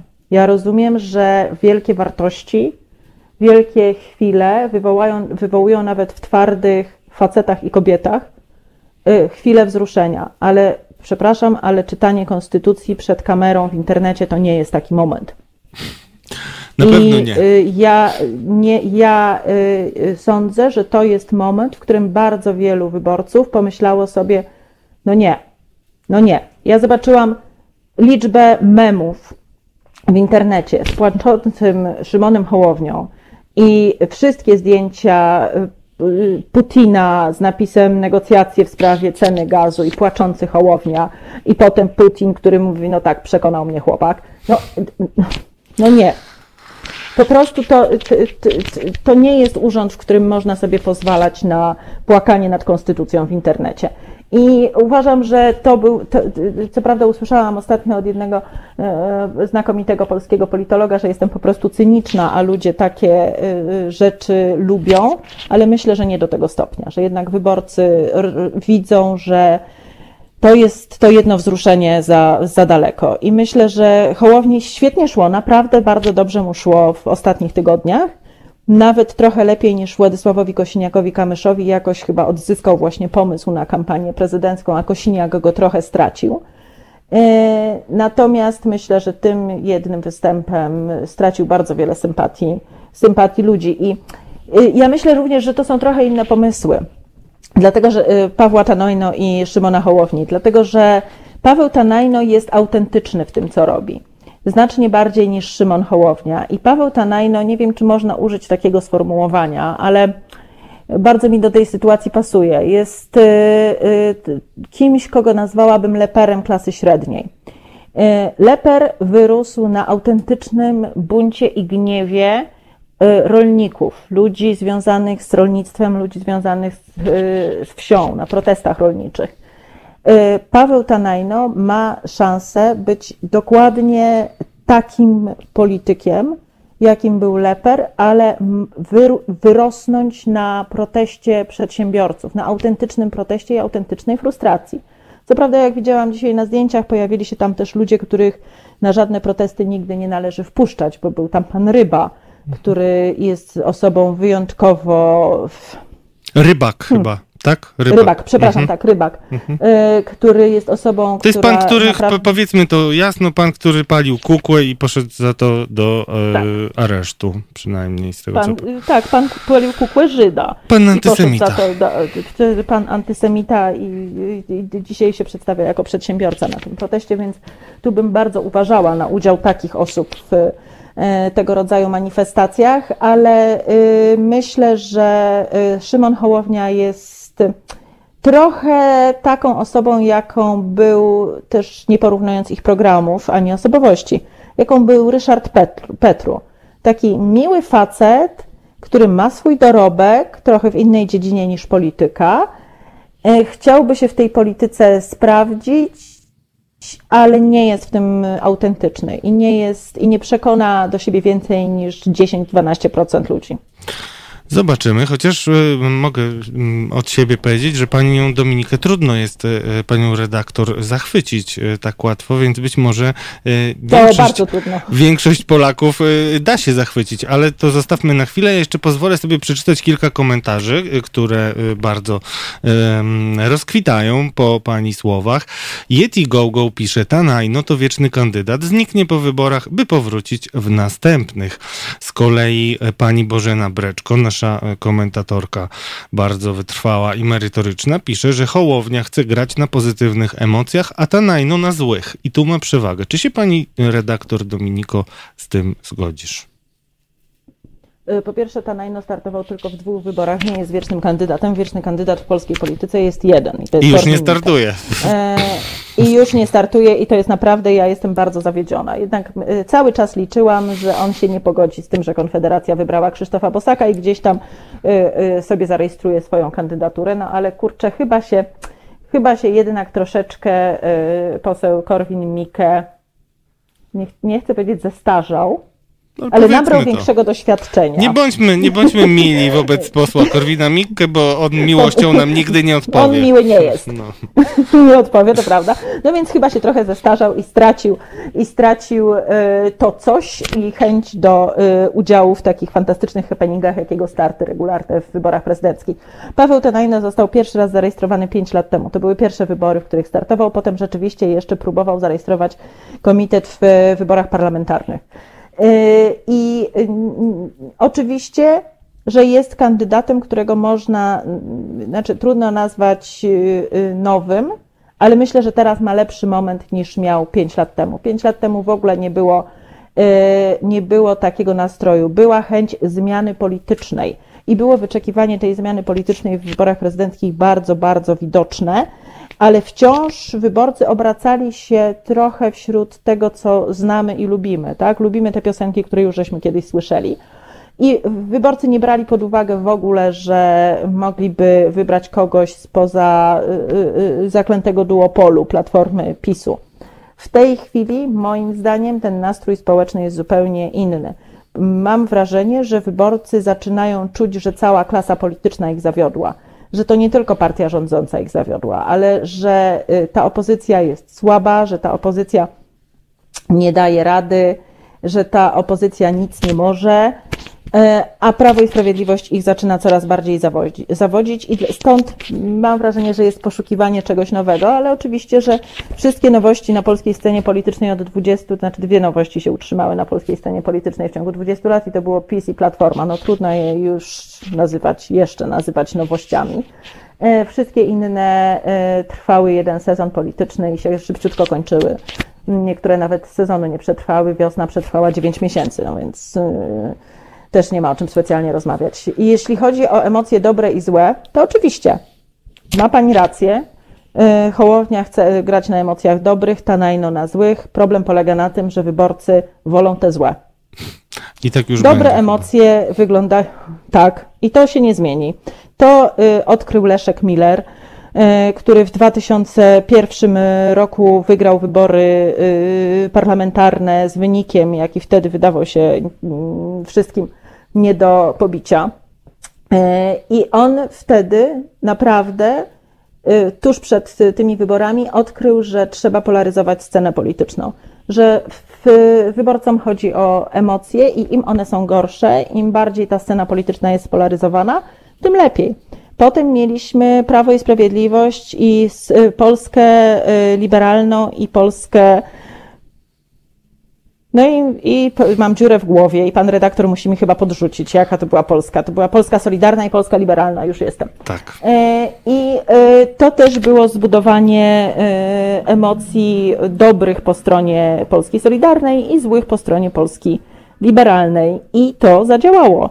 I dokładnie tak samo, przecież pamiętamy, wszystkie te klipy, które potem produkowała Platforma w kolejnych wyborach, oni pójdą na wybory, to było po aferach pod krzyżem, i to też były, było budzenie jak najgorszych emocji. To działa w polityce. I niestety, też powiedziałabym, że musimy się z tym pogodzić, chociaż to jest bardzo trudne. I niestety politycy to wiedzą i będą to wykorzystywać. I najwyraźniej Paweł Tanajno też to już wie. Chyba się nauczył, chociaż e, jak zauważa Mario79K, Tanajno współpracuje z Konfederacją, nie będzie nowego ruchu, on się do nich przyłączy. Ja raczej wątpię. Jeszcze e, zostawię jeden komentarz pani Kwiaci, która powiedziała, napisała, zgadzam się z panią Dominiką, płacz jest amęski i aprezydencki. Ja nie wiem, czy się zgadzam z paniami, ale rzeczywiście na pewno Szymonowi Hołowni to nie pomoże. Niemniej jednak chciałem jeszcze na sekundę do niego wrócić, ponieważ jest on w wielu sondażach numerem 2-3. E, rozpędził się trochę w tej kampanii. Na początku szło mu e, nieciekawie. Jak mówiłem, e, w internecie rzeczywiście jest bardzo widoczny i chyba najlepiej ze wszystkich kandydatów radzi sobie w tych wyjątkowych okolicznościach kampanii bez kampanii, czyli komunikacji, w komunikacji za pośrednictwem internetu, mediów społecznościowych i tak dalej, i tak.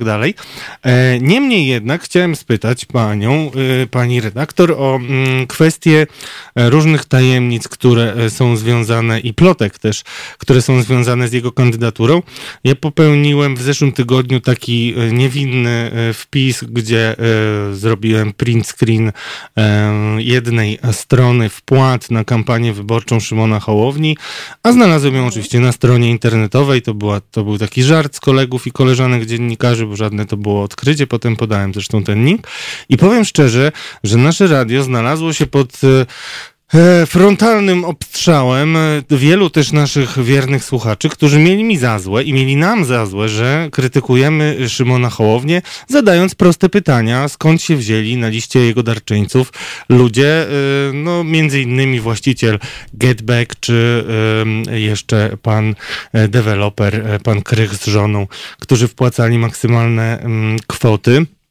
Tam było tylko dwadzieścia kilka nazwisk, więc wiele jeszcze pytań tutaj pozostało, ale chciałem spytać e, panią, pani redaktor, jak pani się w ogóle odniesie, może m, się odnieść do kwestii e, zadawania pytań e, politykom. Czy e, my powinniśmy jako dziennikarze stosować podwójne standardy i kandydatów, nazwijmy to chociażby bardzo umownie, prodemokratycznych oszczędzać z trudnymi pytaniami, a kandydatów bardziej bliskich autoryt, autoryt, e, no, autorytaryzmowi.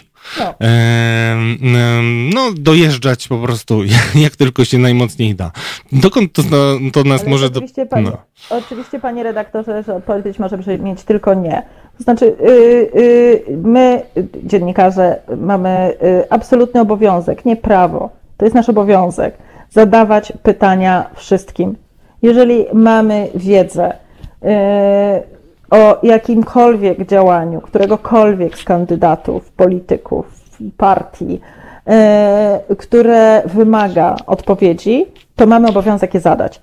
Znaczy, nie ma mowy o tym, żeby kogokolwiek w jakiejkolwiek sytuacji oszczędzać. Znaczy, oszczędza to Andrzeja Dudę, telewizja publiczna.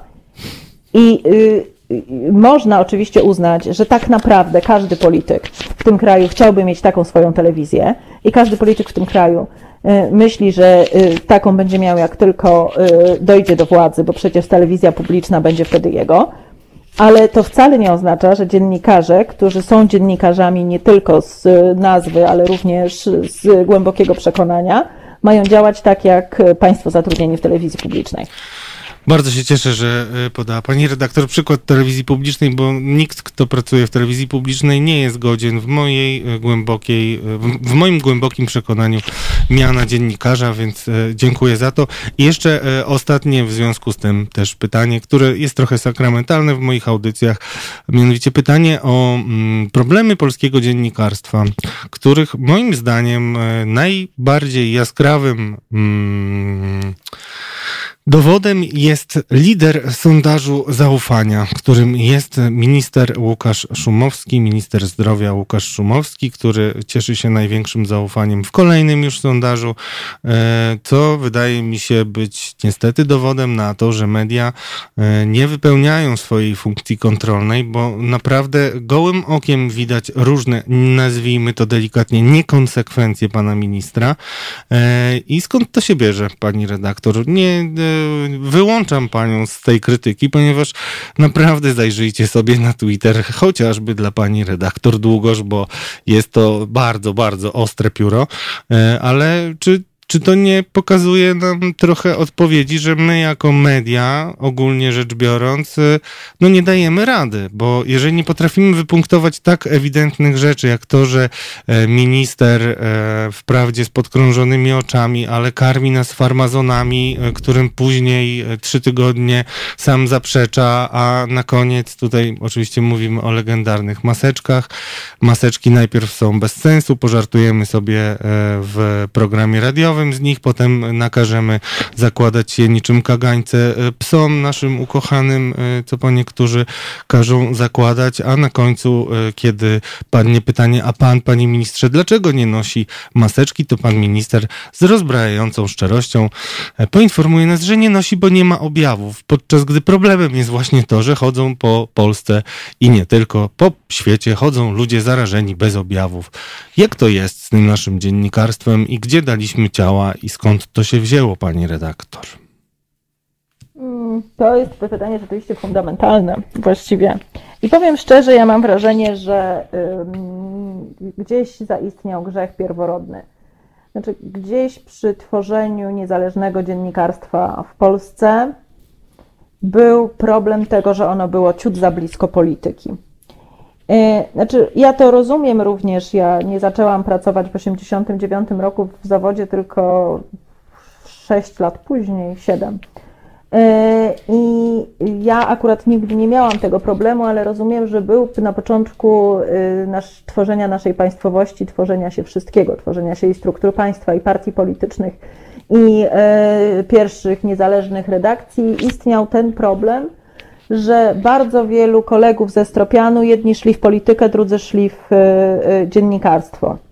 Oni się zawsze znali ze sobą, oni się zawsze ze sobą przyjaźnili i tu była trochę za blisko. I z tego niestety wynikają kolejne problemy, do których doszliśmy w tej chwili. W polskim dziennikarstwie, to znaczy ja uważam, że i tak jest w tej chwili znacznie lepiej niż było w latach 90., naprawdę, bo w tej chwili, chociaż są przykłady, które się akurat zgadzamy z panem redaktorem, nie wolno nazywać dziennikarstwem, bo to, co się dzieje obecnie w telewizji publicznej, dziennikarstwem nie jest, ale to naprawdę są bolesne, wielkie, niestety mające wpływ na bardzo wiele osób, ale wyjątki.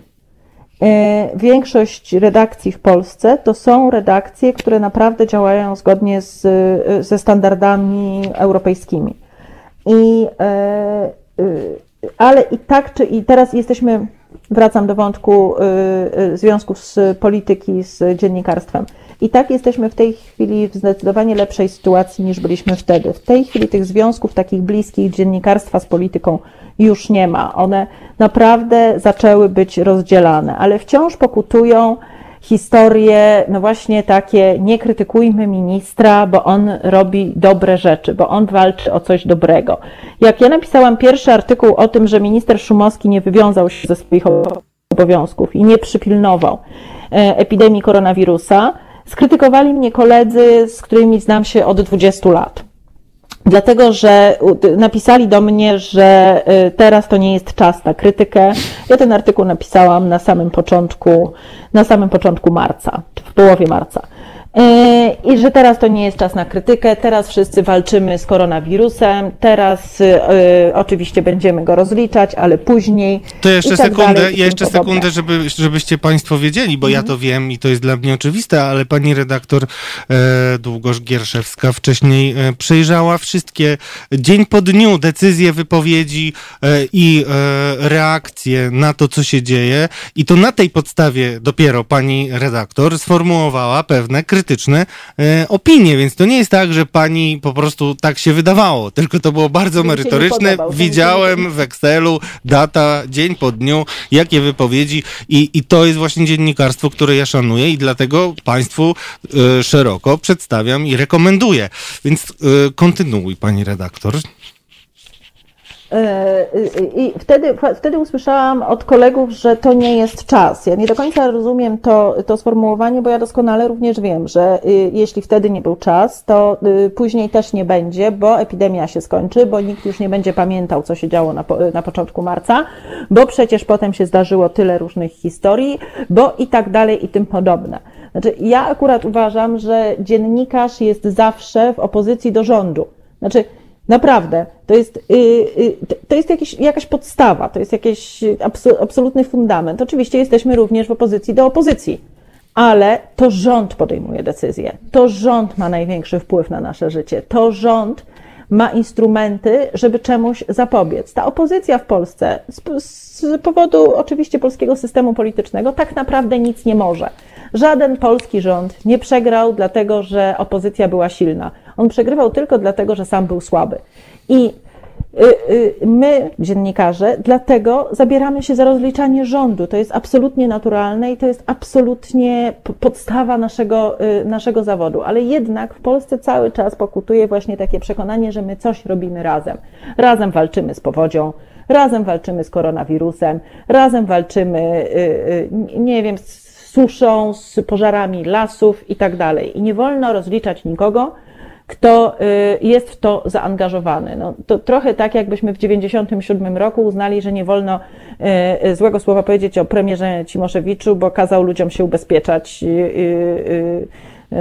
w, przy powodzi stulecia, tak? No, znaczy, to jest kompletnie idiotyczne założenie, z którego musimy się uwolnić, ale też pamiętajmy trochę, ja kocham ten zawód, dlatego ja nie jestem e, skłonna e, e, tak w czambu potępiać polskiego dziennikarstwa jako takiego. Pamiętajmy też, że my się rozwijamy. Mówię, jesteśmy w znacznie lepszym momencie niż byliśmy w latach 90. jako grupa zawodowa. Jesteśmy w momencie, kiedy już wszyscy wiedzą, że związki dziennikarstwa z polityką to nie jest najlepsza droga kiedy już potrafimy rozdzielić y, y, te, te dwie sfery, kiedy wszyscy potrafimy się y, znaczy zadawać trudne pytania nawet ludziom, których znamy od wielu, wielu lat. I uważam, że idziemy w dobrym kierunku. Trzeba pamiętać, że tak jak polska demokracja jest krucha, świeża, ma zaledwie 30 lat i bardzo łatwo ją naruszyć, tyle samo mają w Polsce wolne media. To jest 30 lat uczenia się tego, czym tak naprawdę jest wolne dziennikarstwo. To, co się dzieje w tej chwili z polską demokracją, jest również potwornie złe dla y, polskich mediów, dlatego że pokazuje bardzo złe wzorce. Jak patrzę na młodych ludzi, którzy przygotowują materiały do wiadomości telewizji publicznej, to sobie myślę, że jest mi strasznie smutno, bo to są młodzi ludzie, którzy być może mieliby szansę kiedyś być dobrymi dziennikarzami. Być może gdyby ktoś im pokazał, jak to się robi, być może jakby ponosili z jakimś yy, kasety, dyski, czy co tam się teraz nosi w telewizji, pochodzili i zobaczyli, jak to wygląda, to może kiedyś coś by z nich było. A tak oni po prostu nie mieli szansy. Oni wpadli w machinę, która ich mieli i wyrzuca, usuwa im przy okazji kręgosłupy i mózgi i, ale za to pozwala im zarabiać bardzo duże pieniądze. I oni po prostu już nigdy nie będą prawdziwymi dziennikarzami. A my za parę lat zorientujemy się, że nie ma młodych ludzi, którzy chcieliby ten zawód wykonywać, właśnie, właśnie przez to, co się w tej chwili dzieje, choćby w telewizji publicznej. I to, to jest naprawdę bardzo smutne, ale naprawdę trzeba pamiętać, że nasza, nasz zawód też się cały czas rozwija. Dokładnie tak jak polska demokracja musi się utwardzać, musi się y, budować jako absolutnie niezależny od y, polityki, i moim zdaniem to się dzieje. Jest bardzo trudno, ale się dzieje. I bardzo dziękuję za ten optymizm, który zresztą na naszym forum został też zauważony, a nie wiem, pani redaktor, czy pani wie, ale zawsze starałem się nutę optymizmu jakąś e, wydobyć e, w tych gorzkich moich e, audycjach. Także przyciągnęliśmy naszą rozmowę, ale słuchacze absolutnie są zahipnotyzowani. nie, nie, nie, nie. Mm, I nawet no, nie szczędzą komplementów. Przynajmniej jeden pozwolę sobie przeczytać, że pani redaktor Michał Doniec napisał, że pani redaktor ma większe ogarnięcie w temacie dziennikarstwa niż jej rednacz. No, nie, nie wolno, nie, nie, wolno, nie, nie wiedziałem nawet jak czytałem, że to jest niż jej rednacz, bo myślałem, że nie jeden e, rednacz, więc ja sobie tak to zrozumiem, że nie jeden rednacz, redaktor naczelny. Bardzo dziękuję e, Dominiko, pani redaktor, za dzisiejszą Radku, rozmowę i życzę wszystkim tymczasem miłego słuchania Phila Collinsa i India Tonight.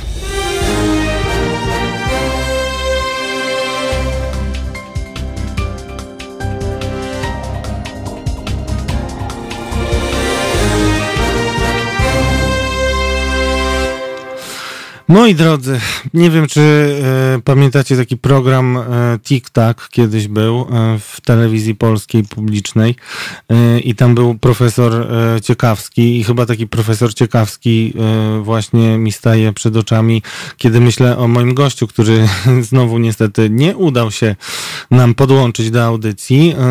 Także pan wynalazca, da, damy panu wynalazcy trzecią szansę do trzech razy sztuka za tydzień. E, a na koniec chciałem się z Wami podzielić e, mm, moją konstatacją odnośnie tego, z czym mamy do czynienia. I chciałem Wam powiedzieć, że słuchacie Halo Radio, że utrzymujemy się tylko i wyłącznie dzięki Wam i bardzo Was prosimy ciągle o wsparcie, żebyśmy mogli się rozwijać, bo moi drodzy, zwracam Waszą uwagę, że w tym, w tym studiu i przed tym mikrofonem mówiłem Wam od samego początku e, pandemii, że wybory 10 maja się nie odbędą. I nie jestem wróżką, tylko znam się na mojej robocie i e, mówię Wam prawdę i tylko prawdę. I dlatego warto słuchać właśnie nas i dlatego warto dzielić się tym, co słyszycie na antenie Halo Radio ze wszystkimi Waszymi znajomymi, bo tutaj właśnie macie informacje nie filtrowane przez przekazy polityków, nie e, pokazywane przez filtr różnych sympatii, tylko tutaj macie e, czystą, brudną prawdę, odnosząc się do mojego idola mm, Wojtka Sokoła, którego serdecznie pozdrawiam i cytuję go w każdej swojej książce. Polecam Wam e, jego e, twórczość, polecam Wam nasze podcasty, polecam Wam pamięć e, o Waszym radiu i mogę Wam powiedzieć jeszcze coś, nie będąc wróżką. Szykuje się przed nami czas bardzo gorący i ta kampania naprawdę dopiero teraz się rozwinie. Będziemy mieli nowe informacje. Ja od siebie obiecuję Wam, że jeszcze ujawnię niejedną tajemnicę e, Szymona Hołowni, który wyrasta nam na jednego z faworytów wyścigu, e, a także zapowiadam, że sondaże tak miłe dla mm, ministra zdrowia Łukasza Szumowskiego wkrótce zaczną lecieć w dół. I polecam Wam, żebyście nie dawali sobą manipulować, bo pandemia się nie skończyła. Jak widzę, że chodzicie, kochani, po ulicach z maseczkami na brodzie, y, to myślę sobie, że byście y, ograniczyli telewizję y, i włączyli myślenie, ponieważ to, że władza uspokaja, opowiada o jakichś wypłaszczonych, krzywych i tak dalej i kugluje danymi, naprawdę nie powinno was uspokajać. Bądźcie czujni, myjcie ręce, patrzcie na to, jak się zachowujecie, dbajcie o higienę i nie dajcie sobie wmówić, e, że już wszystko co najgorsze jest za nami, bo nie jest. Nie jest, drodzy moi. E, zwracam też uwagę na to, że e, Będę się z Wami dzielił tym, co widzę dobrego w ostatnich wydarzeniach. Wiem, że bardzo wielu z Was mówiło o gumowym kręgosłupie Jarosława Gowina. Bardzo krytycznie wypowiadaliście się na forum na temat pana wicepremiera, ale ja pozwolę sobie Was zostawić e, z taką myślą, że jednak e, e, możemy mu podziękować, bo w dużej mierze jego upór, nawet jeżeli związany z kalkulacją cyniczną kalkulacją polityczną pozwolił nam na przesunięcie tych wyborów. I zwracam jeszcze e, Wam uwagę na drugą rzecz, która się wydarzyła i której e, moim zdaniem e, nasi dziennikarze i media nie poświęcają należytej uwagi, mianowicie jednym z ustaleń, które padły na rozmowach na szczycie między Jarosławem Gowinem a Jarosławem Kaczyńskim jest to, że zostanie wdrażany wdrażany.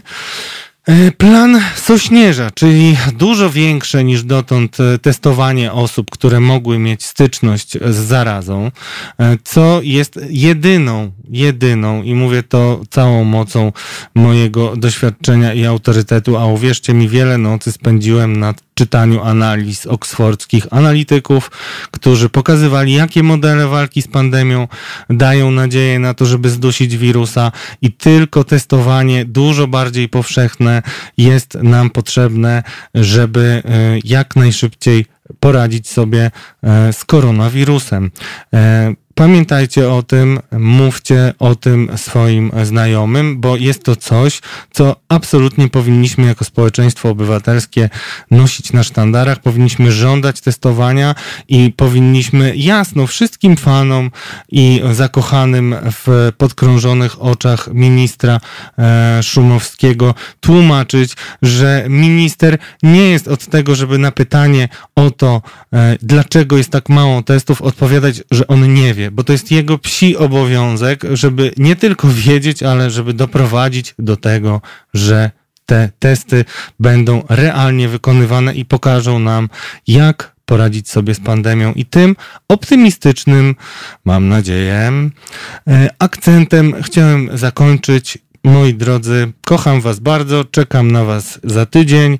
Bądźmy razem. Halo Radio, halo słuchacze, zawsze wielka, nieskończona miłość między nami. Trzymajcie się, dobrego weekendu. Hej!